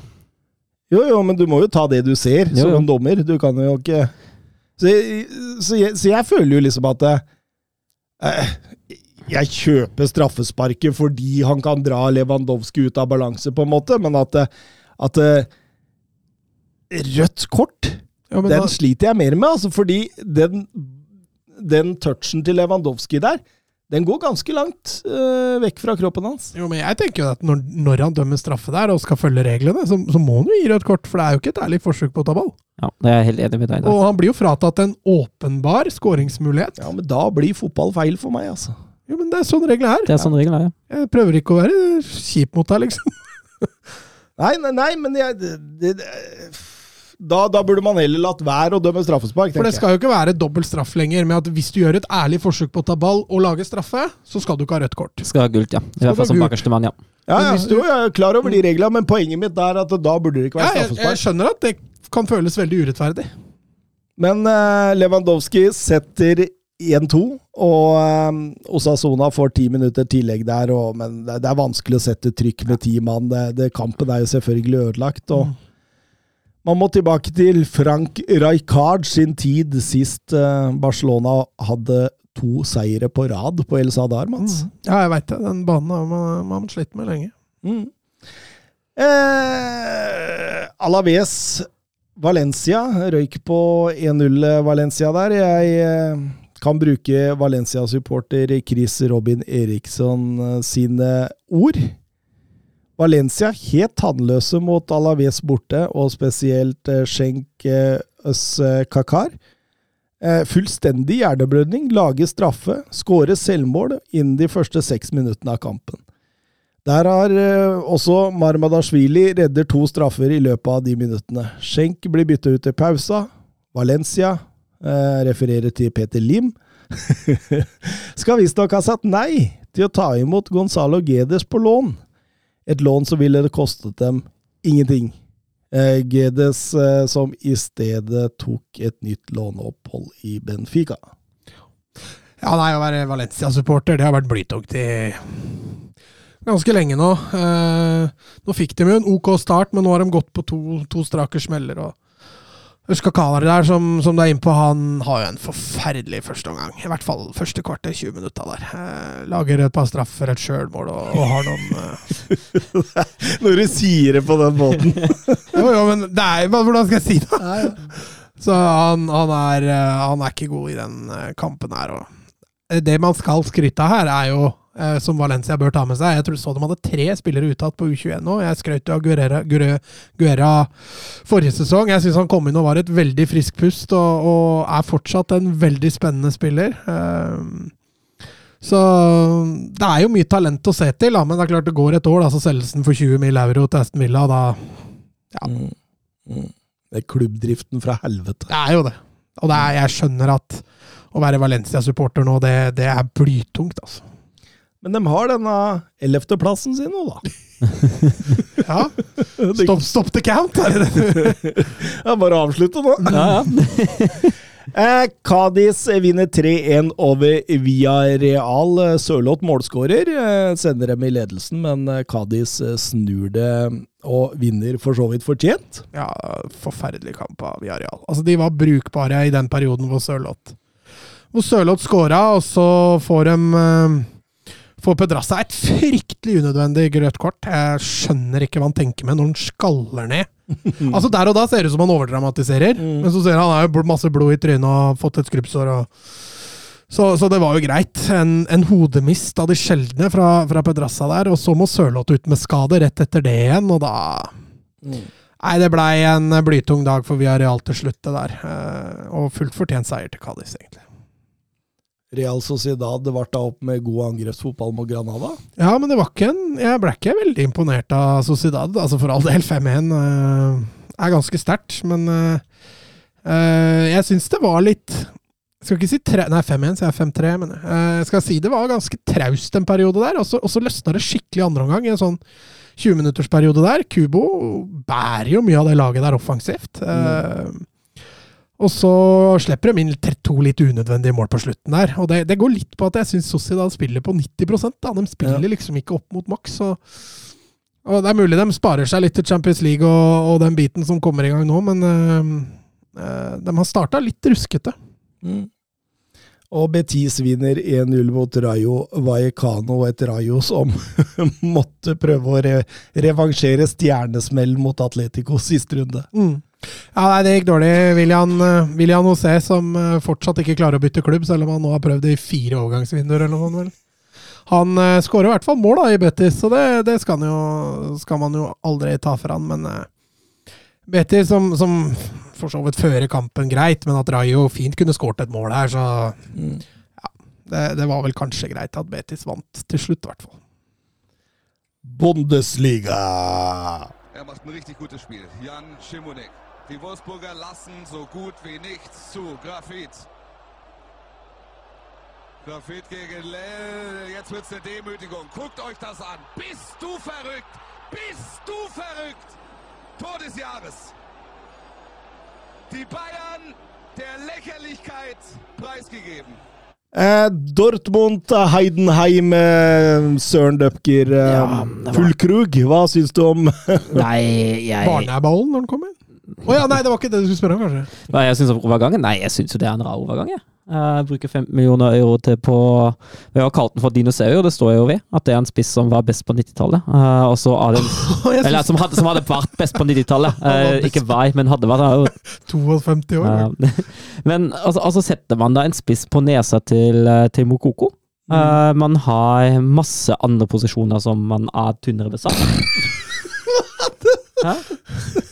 Hørte jeg riktig, eller hørte jeg feil? Jeg måtte, Jeg bare ler av uttrykket hans, så du må, du må kikke dit. Ok. ja, nei, jeg bare spiss på nesa til Mokoko. Nei, jeg så det en tenker- spiss foran nesa på Mokoko. Oh, ja, ok! Syns du sa spiss på nesa til Mokoko? Jeg tenkte jeg, nå var det Du han skulle sett det uttrykket. jeg, prøv, jeg sa ikke det, jeg prøvde å tenke hva han Nei, men altså, altså de, er, de er tynne på, på stoppeplassen. Da man har Hummels, Sule og Slåttabekk, og bak deg er det ikke så voldsomt. De er tynne på, på bekkene. Eh, de er tynne på seksene. Eh, jeg skjønner ikke at man bruker penger der, altså. Jeg, jeg forstår det ikke. Jeg syns det, er en, eh, jeg synes det er en rar overgang, det der. Eh, og det passer egentlig godt inn til overgangsvinduet til Dortmund, som prøver å erstatte Billingham med, med flere spillere. Har ikke gjort voldsomt mye med svakpunktene. Har ikke blitt kvitt eh, Moinier og Azar som han ønsket å bli kvitt, som da ligger på lønnsbudsjettet. Og det laget har ikke blitt bedre. Nei.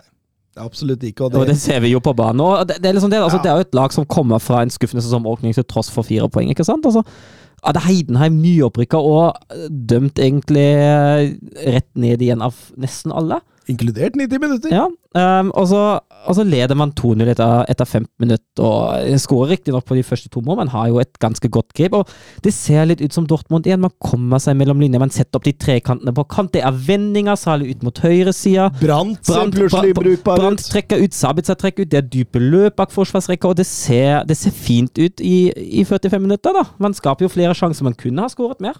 Og så kommer det en omstilling i pausen. Uh, Tomalla på Heidenheim går ut, Piringa kommer inn. Man går fra 4-3-3 eller 4-1-4-1 til 4-4-2 med, uh, med diamant, og det klarer ikke Terzic å svare på. Og plutselig er vi der igjen, som vi har sett Dortmund uh, de siste to kampene. eh, at det, det, blir, det, det blir vanskelig å avansere. Altså, ja, de har, de har jo fortsatt noen sjanser da, men det er feilpasninger.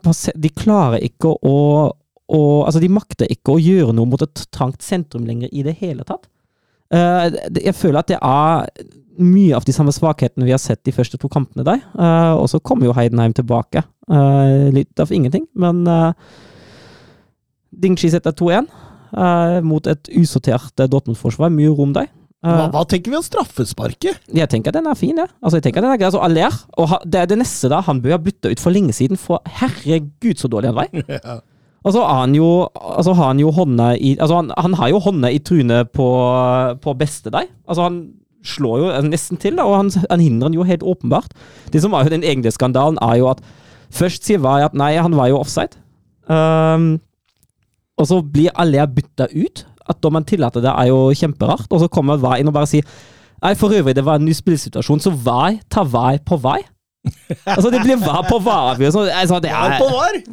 Snart må vi ha VAR for å passe på VAR. ja, altså, og, det, det er jo, altså, det, og det er jo helt absurd. Og jeg mener jo at dommeren som han bestemte det på banen, med straffe, det var jo riktig. Og han lander jo til slutt på det òg, men altså Hele det showet kunne man ha spart seg for. Det neste er jo at når Alea sitter på benken altså Man kan diskutere den en situasjon om det er et rødt kort, for er bakerste. Vi er tilbake på en Osasona-situasjon da. Han er bakerste hindrer at beste går alene mot keeper, og han tar ikke et ærlig-forsøk på ballen. Og etter regelboka er det et rødt kort. Det hadde vært debut for full krug. Ja, nei, nei, det- og, men, etter, og, og, men- og, men etter at Alea var bytta ut, da, så kunne fortsatt ha fått rødt, men Dortmund hadde fortsatt med elleve spillere. Det er derfor det er så rart at man tillater at byttet mens VAR fortsatt foregår. For du kan vise ut Alea, men du kan ikke, altså, du kan ikke gjøre om bytte igjen, da. Nei, ok.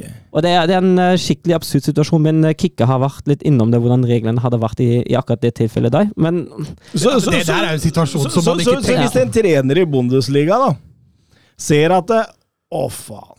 Der gikk spilleren min i knehøyde. Det Jo, men- der er soleklart rødt kort. Så var det sånn Før VAR har fått sett på han! Bytt ut! Bytt ut! Jo, men Det er derfor Søren sier det er så rart at de tillot bytte, når VAR fortsatt ser på situasjonen. Ja. For det skal de egentlig ikke tillate. Mm. Ja. Men det er derfor det er så rart, for de, de konkluderte jo med at offside, ikke Ja. straffe.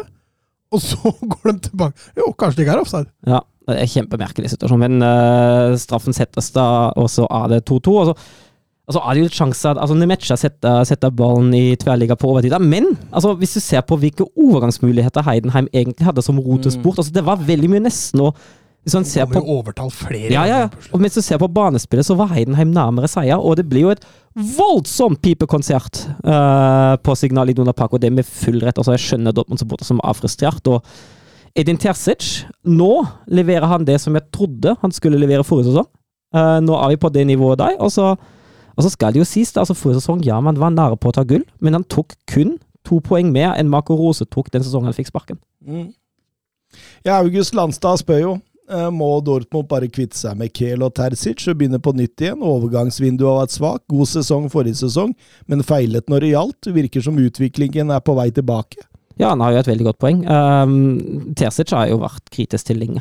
Uh, og egentlig aldri helt slutta å være kritisk. Jeg mener at han har vært Han har lyktes veldig godt med in game-grepet han har gjort i forrige sesong, og har redda flere kamper av det. Eh, Inngangene har jeg ikke alltid vært like begeistra for. Jeg syns i den sesongen har han vært direkte svak. Egentlig på både inngang og in game. Uh, Mikkel Altså, han er jo Det er dårlig vindu han presterer det, nå. det er fryktelig dårlig vindu han presterer. Um, men da, altså, sportssjefmarkedet, det er så vanskelig, da. Mm. Eh, og så er han jo Det er vel hans andre sesong nå.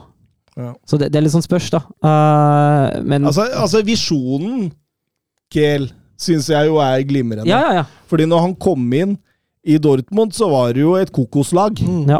Og han ønska å stabilisere, Ja. sette faste rammer, bli bedre defensivt, ja. lage en struktur, og så ha en klar sånn filosofi. Så, Men- planen er jo bra. Ja, men har gått seg litt fast i den der eh, hente, hente Bundesliga-erfarne og gjerne unge tyske landslagsspillere.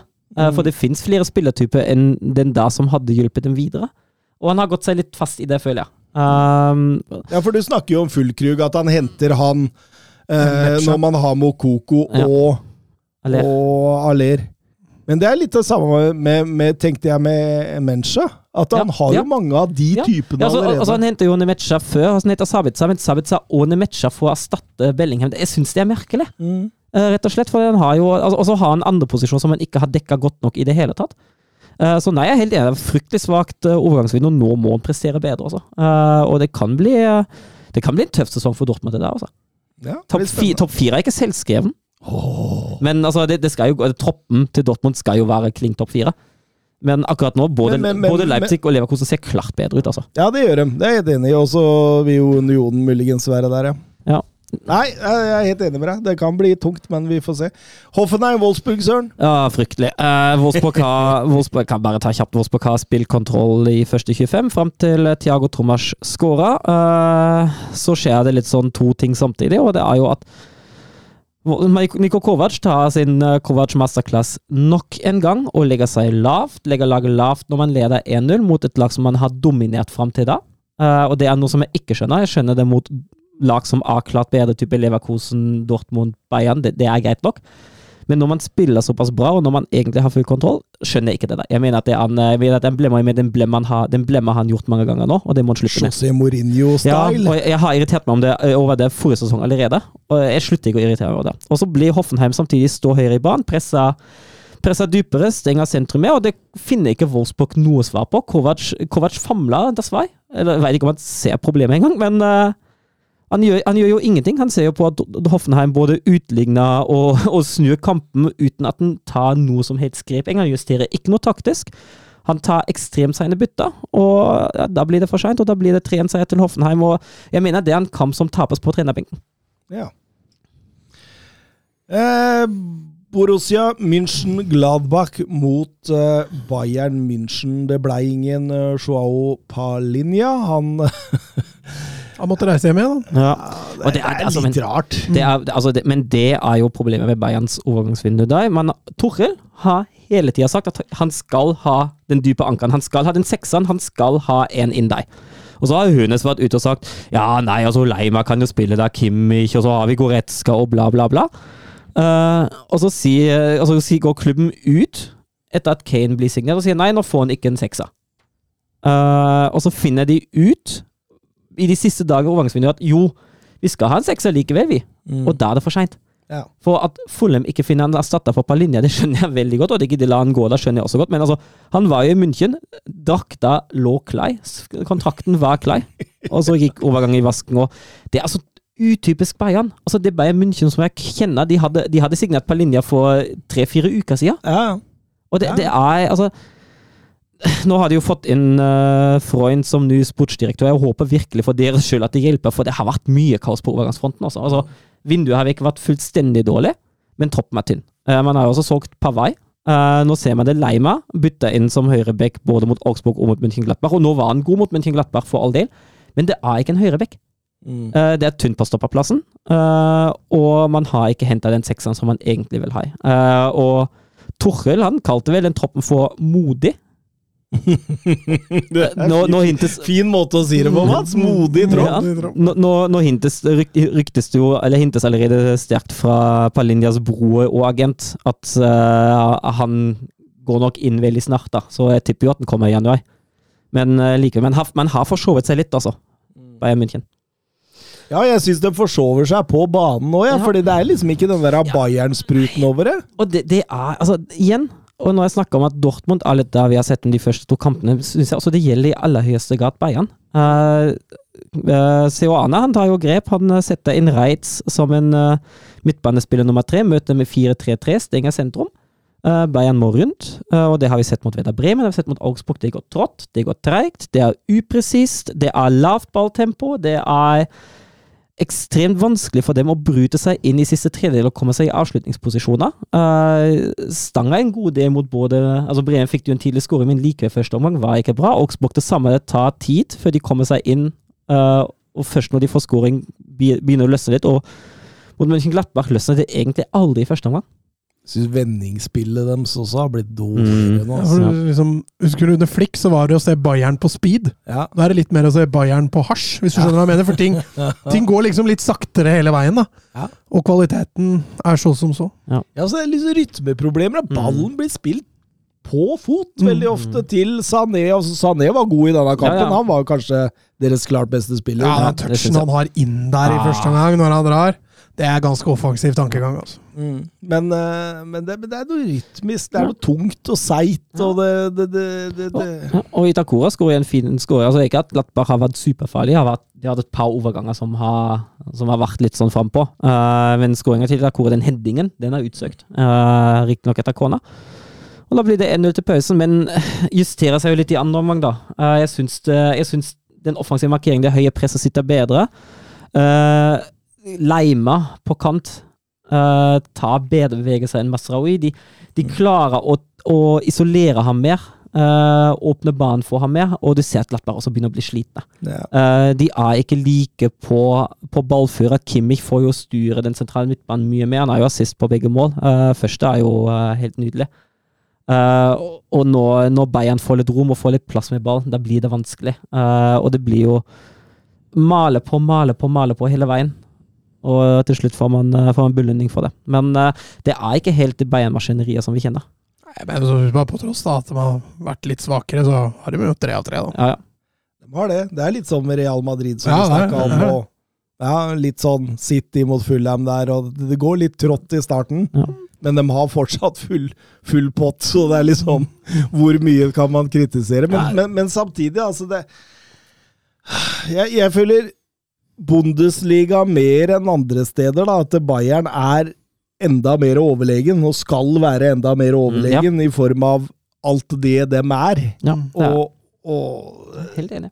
det, det går trått. Altså, du ser Tuchel, han går jo over til eh, 4-2-4 Ja. der, og, og etter hvert så kaster han jo inn på, på Mattis Tell òg, for Goretzka, og går Ja. over i en sånn altså, Ja. Hva er det? Det er en 3-2-5, men Ja, han skyver sånt. Limer opp Ja, igjen. sånt. Han står med tre, tre midtspiser på banen, i Tell, Choupo-Moting Ja. og Kane. Ja, men det gir jo uttelling av Tell som setter 2-1 etter Ja da, for all del, for all del. Men, Men altså, altså, altså men, men, når du må ta de grepa mot uh, Gladbach, som ikke er et topplag i Bundesliga i dag, Mm.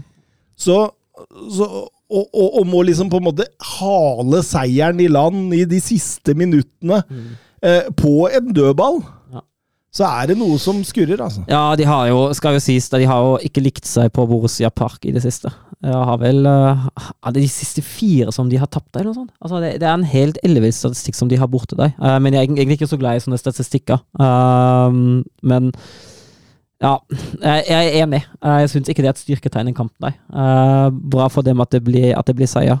Men altså, hva, er men hva er feil? Hva, hva ser, eh, det ser litt uinspirert ut, sier Klas Grønlien på, Ja. til oss på Twitter. Jeg er helt enig. Uinspirert, ukreativt, og, og særlig det at, at tempoet er så lavt over store deler av kampen. da. Syns jeg spillerne er litt usikre. Mm.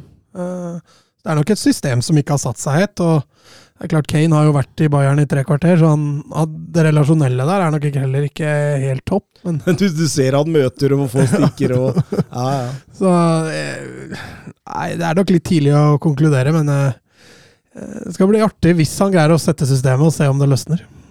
For elveren her er jo Ja, den er sterk, altså. Den er, den er en av Europas sterkeste, så det Men det gjelder så, ja, Noen ganger når jeg ser Bayern, så tenker jeg nå, og det gjorde jeg også under Nagelsmann, at det, er det litt det vi ser med PSG i Ligue Ø? At man veit at det går bra til slutt, så det er vanskelig å motivere seg, fordi de store utskiftningene i troppen altså Hvis du ser på elveren til Bayern München nå, da, spesielt offensivt Det er jo ikke mye utskiftninger som har vært de siste tre-fire åra. Nei, i hvert fall ikke på kant og sentralt. Det er jo egentlig på topp. Uh, men så tenker jeg altså at den Ja, og på topp, den var jo nærmest tvunget. Altså, Ja, ja. Jeg er ganske sikker på at hvis Lewandowski hadde sagt at han ble, Ja, det hadde- det hadde så, fortsatt så, så hadde han vært der. Definitivt. Uh, Eh, fortsatt vært i toppen. Det er egentlig Lewandowski sin skyld, når vi tenker om Jævla Lewandowski! Fuck han. altså. men, uh, men altså, da tenker jeg altså i, Til den forrige sesong så bør jo alle spillere egentlig ha forstått at uh, det ikke nødvendigvis trenger å ordne seg.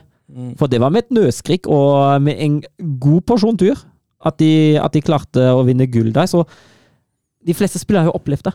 Og de Mm. bør jo, de bør jo da trukket sine konklusjoner ut ifra det, tenker jeg. Ja. At det nettopp ikke trenger å gå.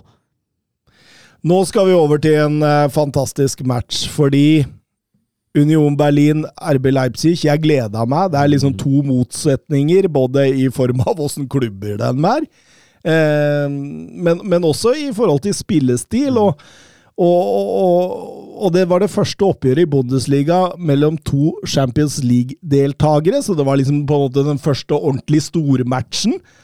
Eh, og så får man rett og slett se et RB Leipzig som er så taktisk kloke og så ekstremt profesjonelle i det de gjør, at de bare nuller ut alt som heter Union-trusler. Ja, og jeg, altså jeg syns jo, og jeg har vært inne på det i midten av, uh, av vår nå, at jeg syns jo Rosa han har trukket sine konklusjoner fra Dortmund. Og de konklusjonene han har trukket fra Dortmund-tida, de har vært bra.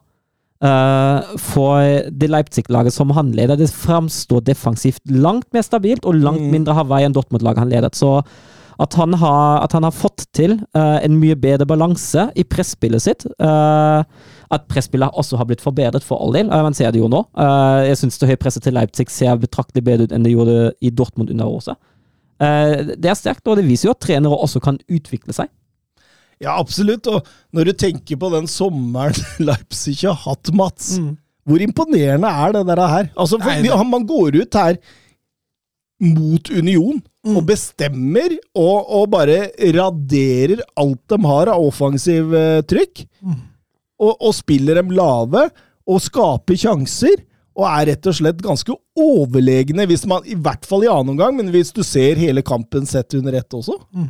Altså, den kampen er veldig imponerende av Leipzig, egentlig. De dominerer jo egentlig fra, fra første minutt, og, det er som du sier, du kan dra gjennom, dra gjennom elveren der, og det var ikke så mange nye akkurat i den kampen her, da, men Simmons og Openda i hvert fall, som, som går inn der, og, og, og Simmons er jo han, han ser fryktelig, fryktelig vass ut. Han har vært eh, helt enorm, egentlig. Jeg sa, jeg sa det sist. Tenk når han skal spille indreløper på andre sida av Zaire Emery for PSG neste år. Mm. Hvis ikke de velger å selge den dyrt, da. Ja, det er et smykke av en er fotballspiller. helt altså. Han, han, han også, i likhet med Alvarez, han fortsetter bare da han har slutta i, uh, i Erestivision, altså. Ja, det er helt Han er helt enorm, og den skåringen han har. Men det er ikke bare skåring, det er ikke bare assisten. Eh, Det er altså måten han jobber i presspillet, måten han stenger rom på, aggressiviteten. Det er ikke luksusspiller. Nei, nei, nei, ikke i det hele tatt. Uh, samspillet med lagkameratene, du er inne på det. Altså, han, har, han har ikke vært i Leipzig særlig lenge heller, men det ser ut som at relasjonsbygginga der har vært enormt. Altså, Rosa har gjort en enorm jobb på den fronten nå. Ja, ja. Det ser jo helt strålende ut. Og Ole Haaland skriver Shawi Simons ser helt ok ut. OK pluss. Altså, han, har vært, han har vært enorm eh, i supercup mot Bayern. Han har vært eh, brukbar mot Leverkusen, det laget egentlig hadde en svak dag. Han har vært enorm mot Stuttgart, han har vært enorm nå mot Union Berlin. Det er eh, strålende levert. Så får Kevin Folland et uh, håpløst rødt kort. Hva, hva driver han med der? Altså, overmotivert, eh, feilkalkulerende. Sparker jo anklene sine, eh, nei, knottene sine i ankelen til uh, Shimako, og da er det klart rødt. Helt riktig at den er ute. Og, og, og det er jo en tid da Union skal prøve å løfte seg litt, og når de prøver å løfte seg med ti mann, så blir de jo Så får jo endelig Cesco kommet i gang. Da har jeg to veldig fine skåringer, både Mm. lagmessig, men, men også god, gode spisskåringer som han får med seg der. og ja, Det var vel egentlig en av få ting Leipzig liksom ikke har fått i gang denne sesongen. Det var jo han, og nå er han i gang da, på en meget vanskelig bortebane. Eh, ikke så mange lag som drar til Union og plukker tre poeng i år, så de tre poengene her eh, kan, kan vise seg å være viktige. og Ja, Union taper for første gang på hjemmebane i Bundesliga siden 13.2.2022. Det er 25 Bundesliga-kamper. Ja. Det er ganske heftig. Det er ganske heftig. Sier mye om prestasjonen. Ja. Leipzig leverer her. Det, det ser helt eh, strålende ut. Og ekstremt imponert over hvordan de har takla denne overgangssommeren. Eh, ja, de ser kommet bra ut av det. mm, Uh, altså med penger på bok. Ja, altså Én ting er det sportslige spillemateriellet, på bok. spillemateriellet men, men det relasjonelle, liksom, at det har gått inn der. da, altså Savi Simmons, som vi allerede har snakka litt om, Uh, Openda òg, som også har fått mye, men Olmo, som har tatt, Ja. tatt litt den taktpinnen. da. Eh, Mm. Og det, det var liksom det som han måtte òg. Altså, han, han, han fyller på en måte akkurat nå godt det tomrommet konko. mm. Som egentlig var, var det han som hadde taktpinnen i det offensive før. Så jeg syns de har løst det veldig bra så langt. Eh, Selvfølgelig for tidlig å konkludere, men eh, hvis dette er standarden deres eh, ut sesongen, så skal Leverkosten få trøbbel om det seriegullet. Leverkosen eh, ingen som kan det gå! Leverkosen maltrakterer Darmstadt 5-1. Ja, rundspillet dem òg. men altså, det skal jo sies, Darmstadt er jo ikke et lag som skal være noe som heter målestokk for, for det Leverkosen-laget der. Men eh, det, det, ser, det ser uhyre bra ut, det Leverkosen de gjør med. og det, det er nesten ikke Altså, vi kan trekke fram Boniface, som har, som har to skåringer, for all del. Um, Men altså, alle ser innmari gode ut. Og altså, din, eh, din gode venn eh, Jonathan Tarr, som det han har levert som forsvarssjef bak der, vært Jeg liker at du sier 'min gode venn', for det er helt riktig. Vi, vi melder en del sammen, nemlig. Jeg har gitt han noen tips foran denne sesongen. ja, din så- favoritt, da. Men eh, Spesielt posisjoneringsarbeid. Ja, ja, ja, ja. tatt tak i mot én def og pos. Det er det vi jobber Og det, det, det impactet Granit Xhaka har hatt på den midtbanen der altså, han, ser jo, altså, han ser ut som en million. Akkurat den spilleren som Leverkosen savna forrige sesong eh, sentralt, det er det Granit Xhaka leverer der. Altså. Og toveis eh, leder laget og er fantastisk, altså. Blir, er Boniface eh, sensasjonen i årets Bundesliga, spør Jørgen Knutsen. Ja, altså hvis han holder seg skadefri, ja. Uh, han har jo den historien med allerede to, to ganger rykket korsbånd, uh, og det er jo en liten, uh, liten bakteppe som man må ha litt i bakhodet, dessverre. Men holder han seg skadefri, har han jo alt han trenger å spille i et lag som Han kan spille på styrkene sine òg, og han har mange styrker. Så ja, eh, det kan få bli årets sensasjon. Vi må også nevne at Stuttgart feide Freiburg 5-0. Hvem så den komme? Nei, det er litt sånn det, da. Altså, når Freiburg er utafor Streik er jo litt inne på dette kampen at eh, vi er ikke noe topplag, for sånn at vi slekker noen prosent, så skjer det der. og Særlig Stuttgart er ikke. Altså, de har, de har fått overhøvling av eh, Bayern, Dortmund, Leipzig i cupen og, og riktignok også Wolfsburg, men Stuttgart er jo et lag som skal være et stykke bak. Eh, I nivået skal egentlig ha et lavere nivå enn uh, Freiburg, så det er nok, er nok svak prestasjon, altså. Uh, Sterkt av Stuttgart for all det Girasi uh, som er i, i toppform der, men Nei, det er fa- katastrofal kamp for Freiburg. Jeg bare glemmer Stuttgart. Er jo litt morsomt, da. Starta, starta sesongen med å vinne 5-0 mot Borum. Får fem i sekken mot Leipzig i runde to, og skårer fem igjen. det er nydelig. Eh, Jørgen Knutsen han tror dette er Piro Pivo. Han tror jeg er Galåsen, åpenbart. Eh, andre Bundesliga leverer, skriver han der. Magdeburg, Herta 6-4. Ja, den var enorm, altså.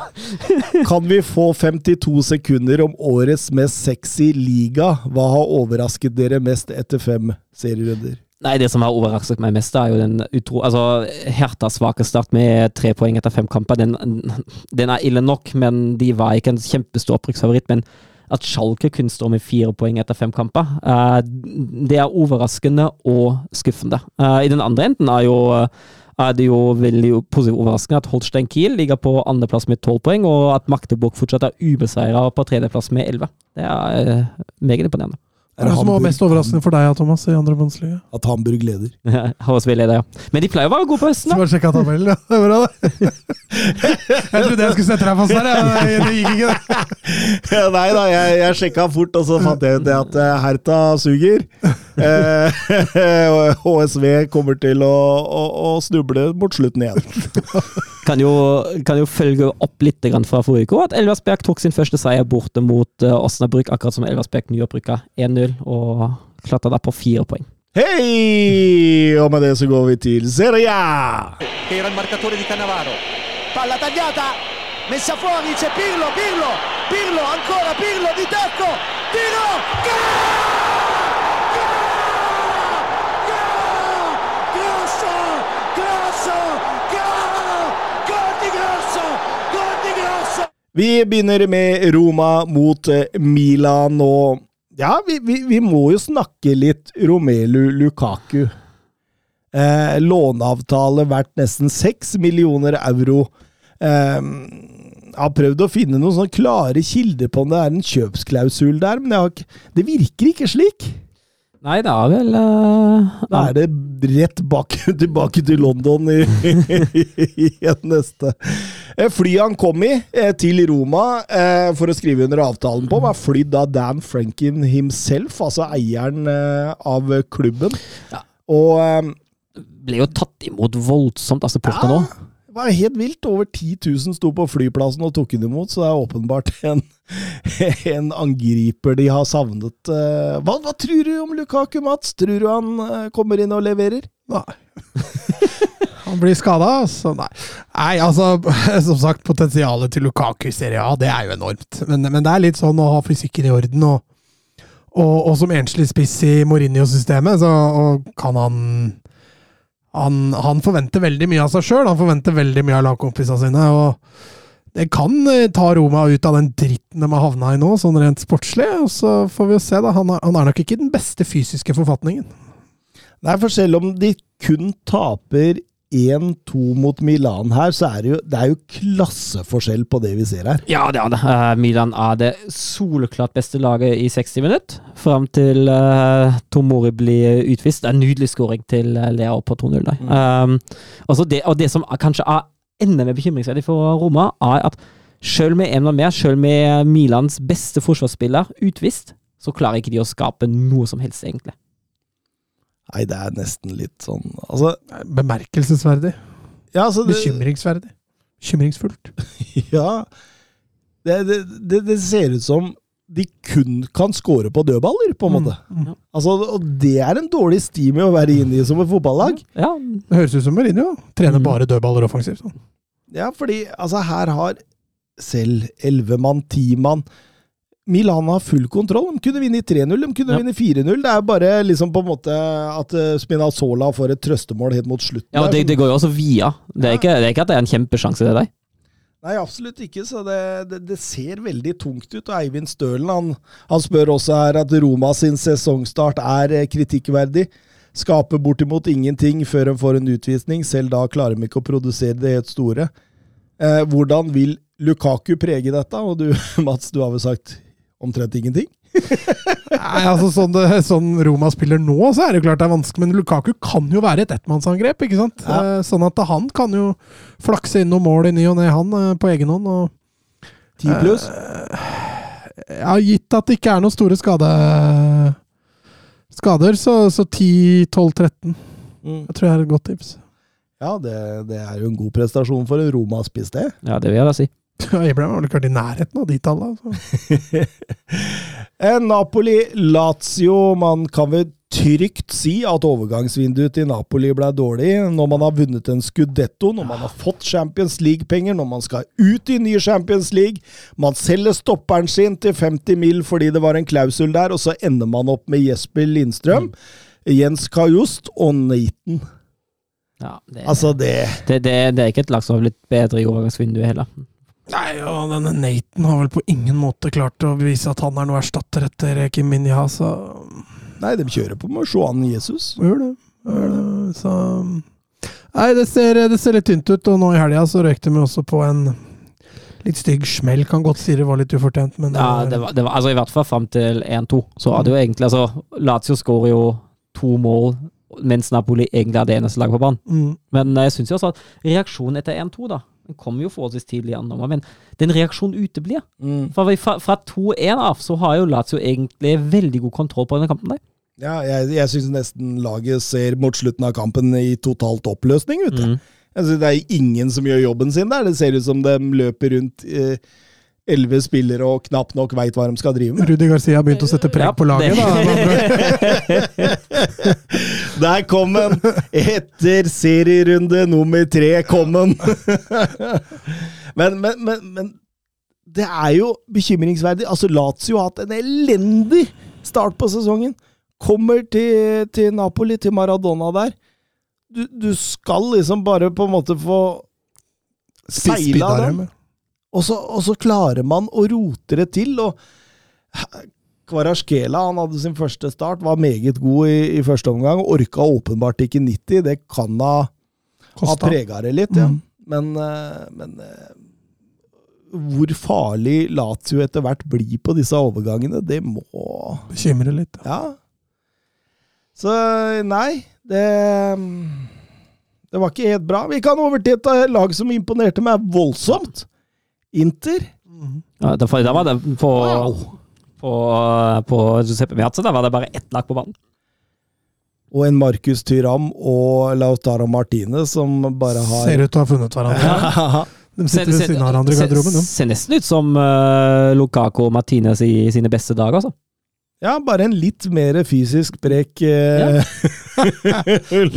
Ja, men når du ser han flyr Nei, ja, ja. Altså flyheading inn 1-0 der, eh, Tyram Ja. ja, Den er rett og slett Hadde har Lukaku gjort det, hadde han ikke kommet opp igjen, tror Nei, det tror ikke jeg heller, skjønner du. Fikk henta um, Pavar eh, før overgangsvinduet der Inter. Fikk eh, henta Davy Clasen. Jeg veit ikke hva de skal med han, men det Nei, den, det kjøpet der, altså. Ja, det lurer jeg på. Men eh, Pavar inn der som en høyre tredje stopper, det ser jeg på som fornuftig. Altså Darmian for all del har levert overraskende bra, egentlig, som, som høyre stopper. Men Pavar tror jeg kan tilføre enda litt mer klasse i den rollen.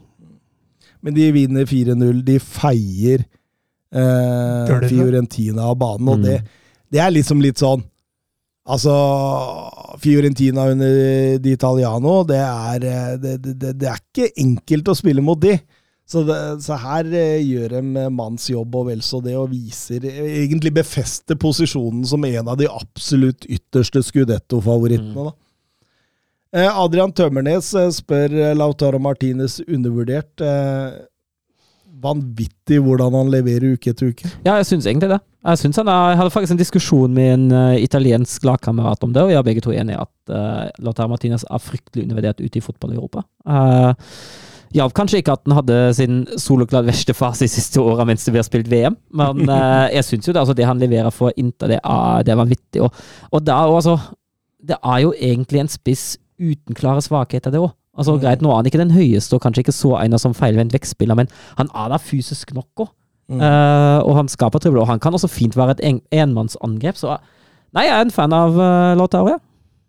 Kunne du tenke deg han i Wolfsburg?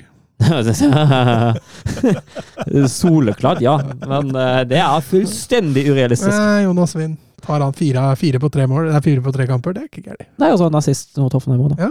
Fin assist, var det. Jeg hadde ikke bytta Du hadde bytta han med Lautaro. Ja. Altså, jeg, jeg liker Jonas Wind, men uh...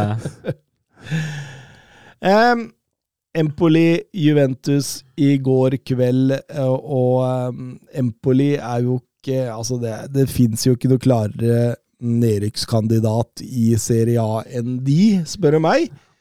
Eh, er elendig både offensivt og defensivt, og, og, og Juventus får jo en grei jobb her, selv om de ikke imponerer, de heller. Nei, de gjør ikke det, men som du sier, altså Det er egentlig aldri noe spørsmål hvem som kommer seirende ut av den kampen der, altså. Uh, Juventus har jo har jo full kontroll uten å, uten å imponere voldsomt, ja. Helt enig med deg. Pogba faktisk inn og er ganske frisk. Mm. Nei, men Vi har snakka om han før òg, at han, han, han har sett Han har sett levende ut da når han har kommet inn. Eh, og, ja, vi får se. Kanskje han er avskrevet litt for tidlig. Eh, Serie A kan jo finne på å blomstre disse litt glemte stjernene, dem. Eh, men jeg er enig med dere. Når Danilo får satt, eh, satt første skåringa der, så eh, Det er liksom ikke noe Det er ikke noe sprut egentlig i noen av laga, men Juventus har egentlig veldig god kontroll. Ja. Eh, Flott kontring. Chiesa setter 2-0. da. Eh, Atalanta vinner 3-0 over Monza. Gianluca Scamacca med sine to første for eh, Atalanta. Så fort du kommer deg ut av Westham som nier, så er det bare rett, er det bare rett inn og begynne å score igjen. og det sender Atalanta opp på en femteplass, rett bak Lecce. Den, den, er, den er fin. Den er fin. Eh, vi går en liten tur over til Ligø også. sur la frappe de Messi de, de Mercado, Mercado, oui. Mercado, et, et là aussi on a un petit peu de réussite. Griezmann sur l'appui, c'était bien joué avec Giroud. Oh, Sylvain. Oh, Sylvain, il l'a vu Oui. Kylian Mbappé Kylian Mbappé, il l'a vu Ça fait 4 Et ça fait peut-être un quart de finale pour l'équipe de France 68e minute Oh, la joie collective parce qu'ils ont tous jailli du banc pour aller saluer cette passe décisive géniale de Giroud et ce doublé pour Kylian Mbappé Ja, det var storoppgjør eh, Lyon mot eh, Paris Saint-Germain, og det var jo litt spesielt, da. Bradley Bacola blei klar fra Lyon til PSG i dagene. Satt seg på benken. Randal Kolomoani, som nevnt, også klar. Og for et ekstremt overgangsvindu Paris Saint-Germain egentlig har hatt. Ja, og de fortsetter jo egentlig filosofien fra forrige sesong, hvor de skal fortsette å hente litt ungt og, og lovende. Og den offensiven til PSG nå, den Dette ser ekstremt bra Altså, men, men, men de handla for 350 millioner euro bare i sommer. Altså Kolomoani, Ugarte, Dembélé, eh, Hernandez, Barcola, Kanginli, eh, pluss eh, Savi Simons også. Han var jo ikke så veldig kostbar. De har fått Skrinjar og Ascencio på free transfer, og de låner Gonzalo Ramos. Eh, Riktignok må de betale han ut til sommeren. Og de har også casha ut på Eketike. Eh, det er noen voldsomme summer det er snakk om her også, så det er jo klart, de må jo levere, men det, det begynner å se ganske bra ut. Mm. Ja da, og, og det er spillere som også passer fint inn i Luis Henrique-fotballen. Eh, har jo vært litt skeptisk til han, eh, men, men selv han kommer til å vinne seriegull med dette laget her. Og hvert år så er det jo selvfølgelig dette Champions League-trofeet som, som han blir målt på. Eh, men jeg må jo si at stammen og grunnlaget PSG nå har, Bedre enn på lenge. ja, det, jeg syns det ser fryktelig spennende ut. Jeg syns det ser bedre balansert ut. De har en Altså, bredden er bedre fordi det er større talenter som sitter på benken nå. Uh, og så har du, i hvert fall i den matchen nå mot Lyon sist, altså du kan sette inn på Fabian Ruiz, du kan sette inn på Gonzalo Ramos. Barcola får vel debuten sin, hvis ikke jeg husker rett feil her. og Nei, det ser, det ser veldig bra ut. Og som det er inne på Kolomani, han fikk jo ikke debuten sin, er vel skada, så han ikke, fikk ikke starte, var ikke med nå. Nei, det var Sensio i nieren, og han eh, leverer også. En bappe smiler igjen, han har fått Dembélé med seg. Eh, det ser veldig bra ut, og, og ikke minst som trener og analyse fotball på, på Twitter skriver til oss her. Snakk litt om Ugarte og hva han har tilført PSG, fordi du snakka om balanse, Mats. Mm. Balanse, gjenvinning, eh, rett og slett en bikkje på midten. Mm. Du ser jo også når de får straffesparket på, på 1-0 der tidlig i kampen, hvordan han gjenvinner høyt i banen. Og han, han er så mobil. Han kan strekke, han kan løpe, han kan eh, terge. Og det er, det er kjempevanskelig å, å, å spille mot. Og Tolisso han ble jo tatt skikkelig på, på bakhælen der når han eh, må lage straffe ganske tidlig. Og, og da, da, da, da da ser du jo fort hvordan denne kampen vil gå. Lyon er jo i en elendig form. Ja, de ligger vel helt sist nå, gjør de ikke? Og det sitter fire i hatten før pausa der, og der er det over. Ja, voldsom pipekonsert i pausen der òg, og jeg skjønner jo det. Det har vært eh, Altså, snakker litt om PSG-sesongstart som nå ser ut til å, til å bli noe bedre, men Lyons sesongstart har vært helt katastrofe. Mm. Og Ryan Cherki der, tidvis var han et ettmannsangrep mot PSG. Det var han som gjorde stort sett alt, men så du ser han går lei. Ja, men altså, jeg skjønner jo det. Altså, men det er jo altså, det, det å berope seg på individuelle spillere som angrepsplan altså, Det er jo Vi snakker om fullkrok som, som tatt ut fra 90-tallet, men det er jo også tatt som tatt ut fra 90-tallet, da. Eh, og det er jo egentlig bare altså, det, det avslører egentlig bare fraværet av en klar angrepsplan. Hvordan skal laget framstå offensivt? Hvordan skal vi angripe? Hvordan skal vi skåre mål? Og jeg ser ikke noe svar hos uh, Lyon der nå, altså. Nei, det ser, eh, det ser farlig ut. De, de er i kjempetrøbbel. Laura Blad han ser ut som Han ser jo litt rådvill ut. Ja, Lav odds på at han, han første som får fuken i like, da. Ja. eh, ligger nederst, som Mats var inne på, eh, for første gang siden 95-96-sesongen. De står kun med ett poeng. Den laveste summen de har hatt i ligaen noensinne etter fire runder. Og Nei, det Det, det, det er voldsomt uh, kontraster uh, fra, fra det man så Forventer. på. Ja, og så på uh, med, med, med Lyon. så kan du jo se på spillere ut av de siste åra. De selger jo spillere over en lav sko, ikke sant, og skal erstatte dem med sånne medium-talenter og sånt. Det er nesten bedre å bare bruke akademiet sitt der, altså, fordi det er ganske strålende. Um, Nantes Marseille 1-1. Det er fullstendig bakvendtland for Marseille denne sesongen. Vanligvis sliter de på velodrom og er ligaens beste lag på bortebane. Så langt har de tatt seks av seks på velodrom og rota bort fire poeng mot Metz og Nantes borte, så så du kan jo si det sånn at Marcelino der har starta en ny trend. Ja, men hyggeligere for supportere, da. At de får se litt seire på hjemmebane. Men den bortekampen mot Dans, det var jo utrolig at ikke de greide å vinne. Spiller jo mot ti mann nesten hele kampen og produserer masse, men greier ikke å, å bikke det. Mm. Eh, Monaco vinner 3-0 mot Lans. Eh, ser bra ut med Adi Hytter òg, syns jeg. Syns han har kommet godt i gang. Eh, leder eh, der, og Lance har vel kanskje fått det tidligere enn jeg trodde. De har fått det før Champions League har satt i gang, eh, Mats. Mm. Ja, nei, De har også heller ikke fått en, fått en god start, og det ser litt shaky ut. Altså, det, det er litt store forandringer der, og det, det har gitt en trå start, og, og kan plassere dem helt der nede sammen med Lyon, egentlig. og det jeg er litt enig med deg. De har fått det litt for tidlig.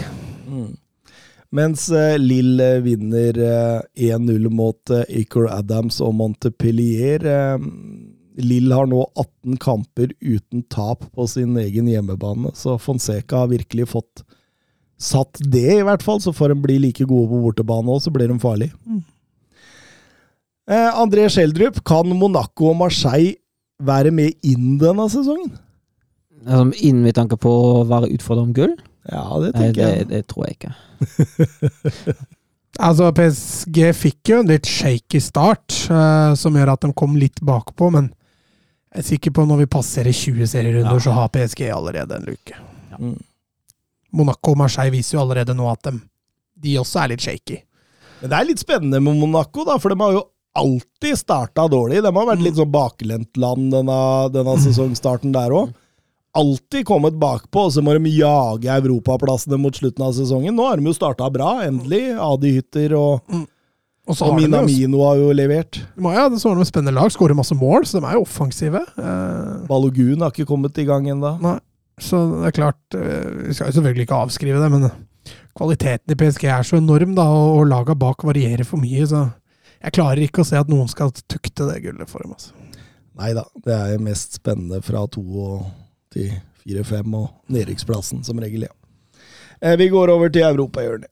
Bra jobba, gutta! Bra ball! Nei! Ja, grei offside. Tor Håkon, den er grei. Du. Tor Håkon! Nei, Tor Håkon, det var din egen skyld. Ikke bli sint for det, i hvert fall. da. Tor Håkon, ikke kjeft på dommeren, og ikke kjeft på dommeren. Tor Håkon, nå hører du på dommeren. Det er hver gang, altså. Hver gang. Ja, søren, åssen går det med Ajax? Det er Ikke så bra, da. Ikke så bra. Nei, de fikk jo stå over forrige helg, eh, men nå var det bortekamp mot Fortuna Zittert. Eh, og etter ti minutter så bommer jo uh, Zitterts Tijani Noslin på et straffespark. Eh, Så har Ajax voldsomt mye ball og voldsomt få sjanser. Uh, klarer ikke å få hull på byllen, uh, og kampen enda 0-0, så da er det fem poeng etter tre kamper. Uh, skuffende med tanke på at man hadde Han spilte bare uavgjort borte mot Excelsior og Fortuna Sitta, to lag som man skal slå. Uh, Alkmaar, PSV og Tvente har alle sammen ni ni av tre. Eh, så de ligger på topp. Åssen går det med Feinor? Eh, åtte, etter åtte poeng etter fire kamper. Ja. Ja, ja. Ajax akkurat Men nå altså det, jeg var inne og titta på elveren til Ajax. Den er ikke Nei, nei. Nei, ja, det, er, det er mulig for Sivert Mannsverk å Ja, men altså, likevel Sittert skal jo Ja, slås. han gikk dit! Ja. Åssen tror du han går inn der, da, Søren? Nei, altså, jeg tror jo at han eh, Mats er inne på det. Altså, den elveren den er ikke så voldsomt bra. Altså, nå sentralt, da, uh, defensivt, spilte Tahirovic og van den Bomen uh, med Mikko uh, Mimiko Tatse uh, som sentral offensiv. Og, altså, ja, men, men les opp elveren der, så kan vi se hvor mange Ja, du kjenner. Se mange eh, du i, mål, I mål var det Gorta. Mm. Så var det firevekkssida med Avia, Hato, Sotalo og Rench. Mm. Tahirovic og van den Bomen eh, som to dy- dyptliggende. Borges, Mikotatse og Lundsson som offensive treerlinja bak uh, Brobay. Må jo ha en del skader. Altså Fire år siden så var det de Jong og de Licta Ja, ja. Ja, men du mangler, mangler jo Bergveien og Ja, altså det er Ruja jo ute som keeper, og så er Medic, eh, som kom fra St. Pauli, satt på benken hele kampen. eh, ja, Jeg sier det er plutselig skjedde jo Det er mediocre! Ja, det er mediocre. um, I Liga Nos, eller Liga Portugal som det heter nå, jeg blir aldri helt vant til den eh, overgangen, så vinner Benfica enkelt og greit 4-0 mot Vitoria. Det var seriemester mot serieleder. Så det, det var en eh, riktig toppkamp, dette her, men det var klasseforskjell og vel så det. og nå skal det selvsagt eh, inn i bildet her at uh, Joao Mendes uh, for Vitoria fikk rødt kort direkte etter 19 minutter. Uh, gjorde det ikke enkelt, men da var de allerede i trøbbel. Hadde skåret et selvmål der til 1-0, og, og, Benfica kjørte kampen fullstendig. Um, Di Maria, Gøku og Aursnes, venstrebekken, skårer. Så, så, det blir 4-0. og ja, de kontrollerer dette. Tengstedt uh, ubenytta reserve, og, og, Andreas Schjelderup han har reist tilbake til Nord-Sjælland på ett års lån. Porto uh, møtte Aroja, spilte 1-1, mens Braga og Sporting hadde 1-1 også, så det betyr jo egentlig det at alle de tre store utfordrerne til Benfica om, om gullet taper poeng, mens Benfica klatrer litt og er nå på fjerdeplass. Eh, ett poeng bak serieleder Boa Vista, faktisk. Eh, Mats, du har noen norske talenter, og i dag så skjønte jeg du ikke var talent, i Danmark. Ikke talenter! Eh, norske utenlandsproffer. Ja, og i dag var du i Danmark. Ja, jeg tok eh, turen til Danmark denne runden her. Det eh, er jo en liga hvor vi har egentlig veldig mange representanter, og ikke, ikke bare generelt, men vi har dem i flere av toppklubbene. Eh, Ola Brynildsen, inn og debuterte for Midtjylland etter overgangen fra Molde mot Ove Røsler, AGF og Magnus Knutsen der. Eh, Brynildsen debuterte med skåring. Eh, forholdsvis enkel skåring, hvor han eh, En forferdelig forsvarstabbe av AGF der, som prøver å spille seg ut, og ballen eh, og blir slå feil, og Brynildsen får en enkel jobb på åpen kasse der. Og så har han en strålende prestasjon i andre omgang. Da er stillinga fortsatt 1-0, hvor han blir spilt gjennom og er marginalt i offside, men måten han setter den skåringa på, det, det er klasse. Men uh, den ble som sagt annullert, og AGF kommer faktisk tilbake igjen på slutten der, litt mot spillets gang, og, og får med seg et poeng der. Uh, Ove Røsler i, i AGF. Uh, vi har også et par nordmenn i Kjøben. både Meling og, og Elionossi fikk flytta jo dit i, i sommer. Meling har gått inn og vært relativt fast fra, fra starta. Elionossi har vært litt mer inn og ut. I helga spilte Kjøben hjemme mot Viborg. Meling inn fra start. Elionossi starta på benken. Eh, og, og når Elionossi kom inn, så var allerede kampen avgjort. Forresten en ellevill skåring av eh, Vavro for, eh, for Kjøben der i starten av, av andre omgang. Han fyrer altså fra over 40 meter. Eh, keeper er sjanseløs. Det sier det meste om, eh, om skåringa. Så den, den, er, den, er, verdt en titt. Eh, avslutter med, med Brøndby. Eh, Brøndby har jo vært litt om døden for eh, spillere fra Eliteserien å gå. Joe Bell, som flytta tilbake igjen nå etter et litt mislykka opphold. Eh, Tobias Børkeie, som dro tilbake igjen etter et relativt mislykka opphold. Sebulonsen, som fortsatt er der, men, men får veldig begrensa med spilletid. Men fortsatt mye nordmenn. Eh, Heggheim, som starta som stopper, og Ohi, som spiller ganske regelmessig som spiss. Eh, Brøndby vinner eh, fullt fortjent 3-1. Ohi på skåringslista etter en dødball. Og så får også Håkon Evjen et innhopp der, så der også var vi godt representert. Kan også nevne at uh, Simen Bolkan Nordli, for de som husker han i, mm. i Ålesund, kommer inn der også. Selv om han ikke setter noe preg på det, så så, så, vinner Brøndby fullt fortjent eh, 3-1, men uh, Danmark, uh, mye norske, kule, kule talenter der òg. Spillere. Moro. moro. Mm. Hvor skal du neste Nei, Jeg må se an litt hvem som presterer. Ja, jeg må okay. se det fra runde ja, til runde. Ja, det er ikke noe gøy å dra til Belgia når Vetlesen og Nusa sitter på benken. Nei, nei, nei. Gjør de det? Nei. Nusa, jeg kan nevne det, starta igjen, og blir faktisk ikke tatt av når klubbrygget Jeg tror de tapte 2-1 mot Gent. Og Nusa spiller 90, mens Vetlesen røyk. Jeg skjønte han ikke hadde vært, uh, hatt en altfor god, god involvering. Kan jo også nevne Sigurd Haugen, som debuterte i Nederland. Skåra jo to mål i helga, han òg, så Nederland, Belgia og Danmark kan fort hende vi er der en del. Uh, det er mye, mye positivt der. Um, Jakob Hoff, uh, Eivind Stølen og, og, og, flere de ønsker at vi skal ta en liten sånn preview på Champions League-gruppespillet. Uh, hvem er det som går videre uh, fra de forskjellige gruppene? Så da bare ramser jeg opp, og så blir vi enige. Eh, gruppe A Bayern München, Manchester United, København og Galatasaray. Bayern og United. Ja, altså Det er jo katastrofe hvis United ikke går videre der, men akkurat det de har prestert nå altså, altså Kjøben, du skal ikke undervurdere dem, altså. Nei, men, men altså, vi kan jo ikke gå andre steder. Nei, jeg, da ja. blir vi jo inhabile Nei, ikke inhabile, vi blir avskilta. avskilta som podkast. Ja. Eh, gruppe B. Sevilla, Arsenal, PSV og Lans. Og den, den er lei. Uh, Arsenal går videre. Klink. Klink. Eh, og så Altså, er litt sånn kvalitet mot form, da. Uh, Den var siste PSV. Lans. Lans? Ja, nei, dem har jo starta fryktelig. Lans på Ja. vei ned. Sevilla på vei. PSV, PSV med en meget god kvalifisering. Slo jo Rangers 5-1 i siste og ligger jo godt an i, i Eredivision. Så hvis vi sier fra akkurat nå, så holder jeg en knapp på PSV. Men den er, den er fryktelig jevn, altså. Der kan alle tre gå videre. Jeg er enig. Jeg har også en liten knapp på PSV akkurat nå. Gruppe C. Napoli, Real Madrid, Braga og Union Berlin. Ja, Det er den der, altså Real, Real går nok klink videre. Uh, altså så er et sånt spørsmål om Napoli utvikler seg under Gazia. Jeg øyner en liten sjanse for Union, men mest sannsynlig er jo eh, Real Madrid og Napoli. Ja, det hadde vært kult med Union videre. Det hadde vært kult. Hadde vært Ja, ja. Rudi Garcia, du så har satt preg på laget nå, så han kan jo hende at Union kan Men jeg tror Union kan frustrere flere av de Mm. laga der, ja, altså. Men eh, Real Madrid klink videre, Ja. og så er Napoli nummer to. Også. Ja, I hvert fall favoritt framfor Union akkurat nå, i hvert fall.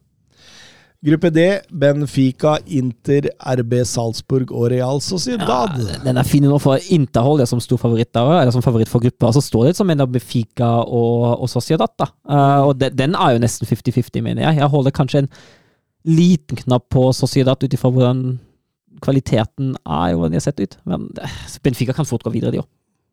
Nei, Jeg er litt skuffa med Sociedads serieåpning, så Men det er mulig de går og venter litt på Champions League, altså. At det, det, det kan bli en liten forløsning for dem. Eh, For de, de har liksom spilt på 90% i serien i år, og, og de har mer å gå på.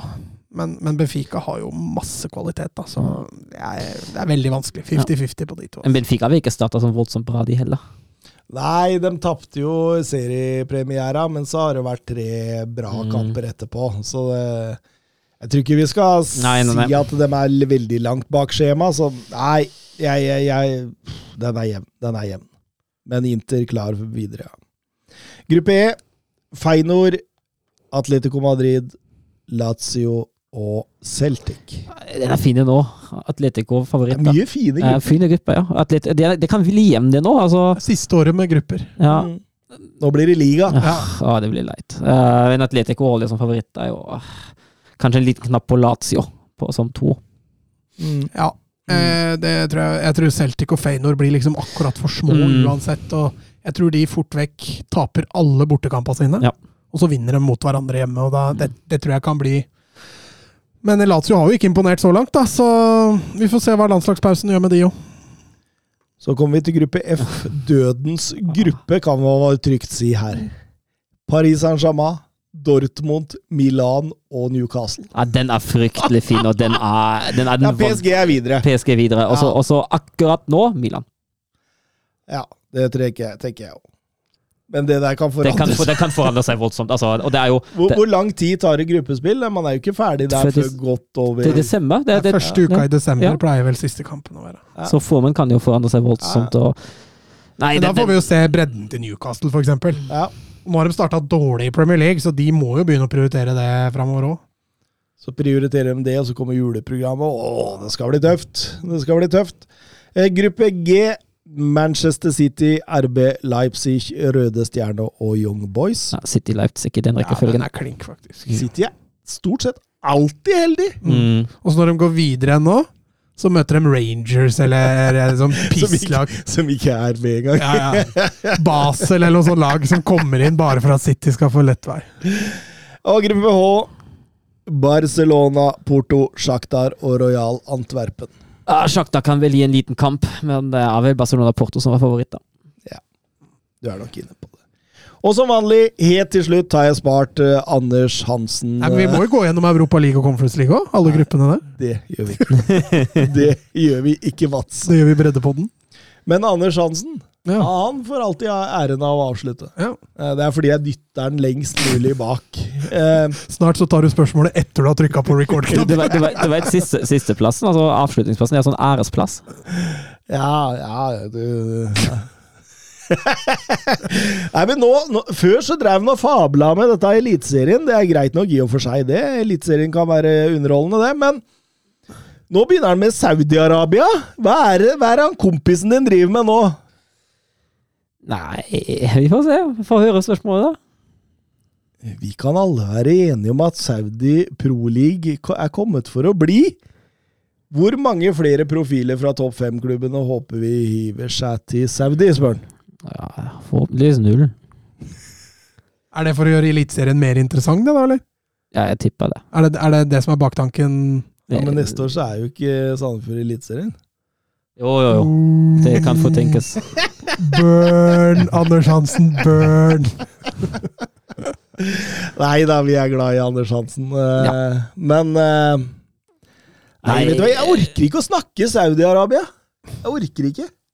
Jeg vil Nei, jeg kjenner jeg har ikke, noe, jeg har ikke lyst til å ha mening om det ellers. Nei, altså, min, min- jeg håper null. For jeg mener at uh, var Proffi som går til Saudi-Arabia, taper uansett, egentlig. Da kan man si at noen har kanskje mer tap enn andre, men uh, Nei, det, det er fryktelig synd, rett og slett. Vi kan ikke avslutte episoden med å snakke om Saudi-Arabia. Mats, hva, hva, hva, hvordan følelser har du rundt uh, Joao Felix i Barcelona? Bare sånn. Eh, eh, ja, nei, jeg har varme følelser, jeg. Uh, Blir du varm i bamsen? Nei, uh, men det er litt med hva han har prestert de siste åra. Men jeg er jo pro Felix som type. Mm. Jeg syns han er en, på sitt beste, da, selvfølgelig, en, en utrolig artig spiller. En direkte spiller.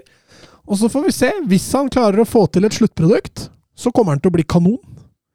Men hvis han fortsetter trenden fra Chelsea og det han leverte siste året i Atletico Madrid, så, så blir han jo antageligvis sittende mye på benken. Ja. Jeg kan Forresten skyte inn at Bayern prøvde å hente Joe Cancelo tilbake, Det er sjukt. på lån, men han takket nei, han ville heller til Barcelona. Det er rart han takka nei. Altså. Ja, det er mer fryktelig merkelig. 37 minutter. Adjø. Mhm. Eh, så får vi se om vi høres i landslagspause eller ikke. Det har vi ikke helt bestemt oss for. Nei, det ser vi jo an, men vi høres i hvert fall om to uker. Det gjør vi. Så inntil det, ha det bra. Adjø. Ha det.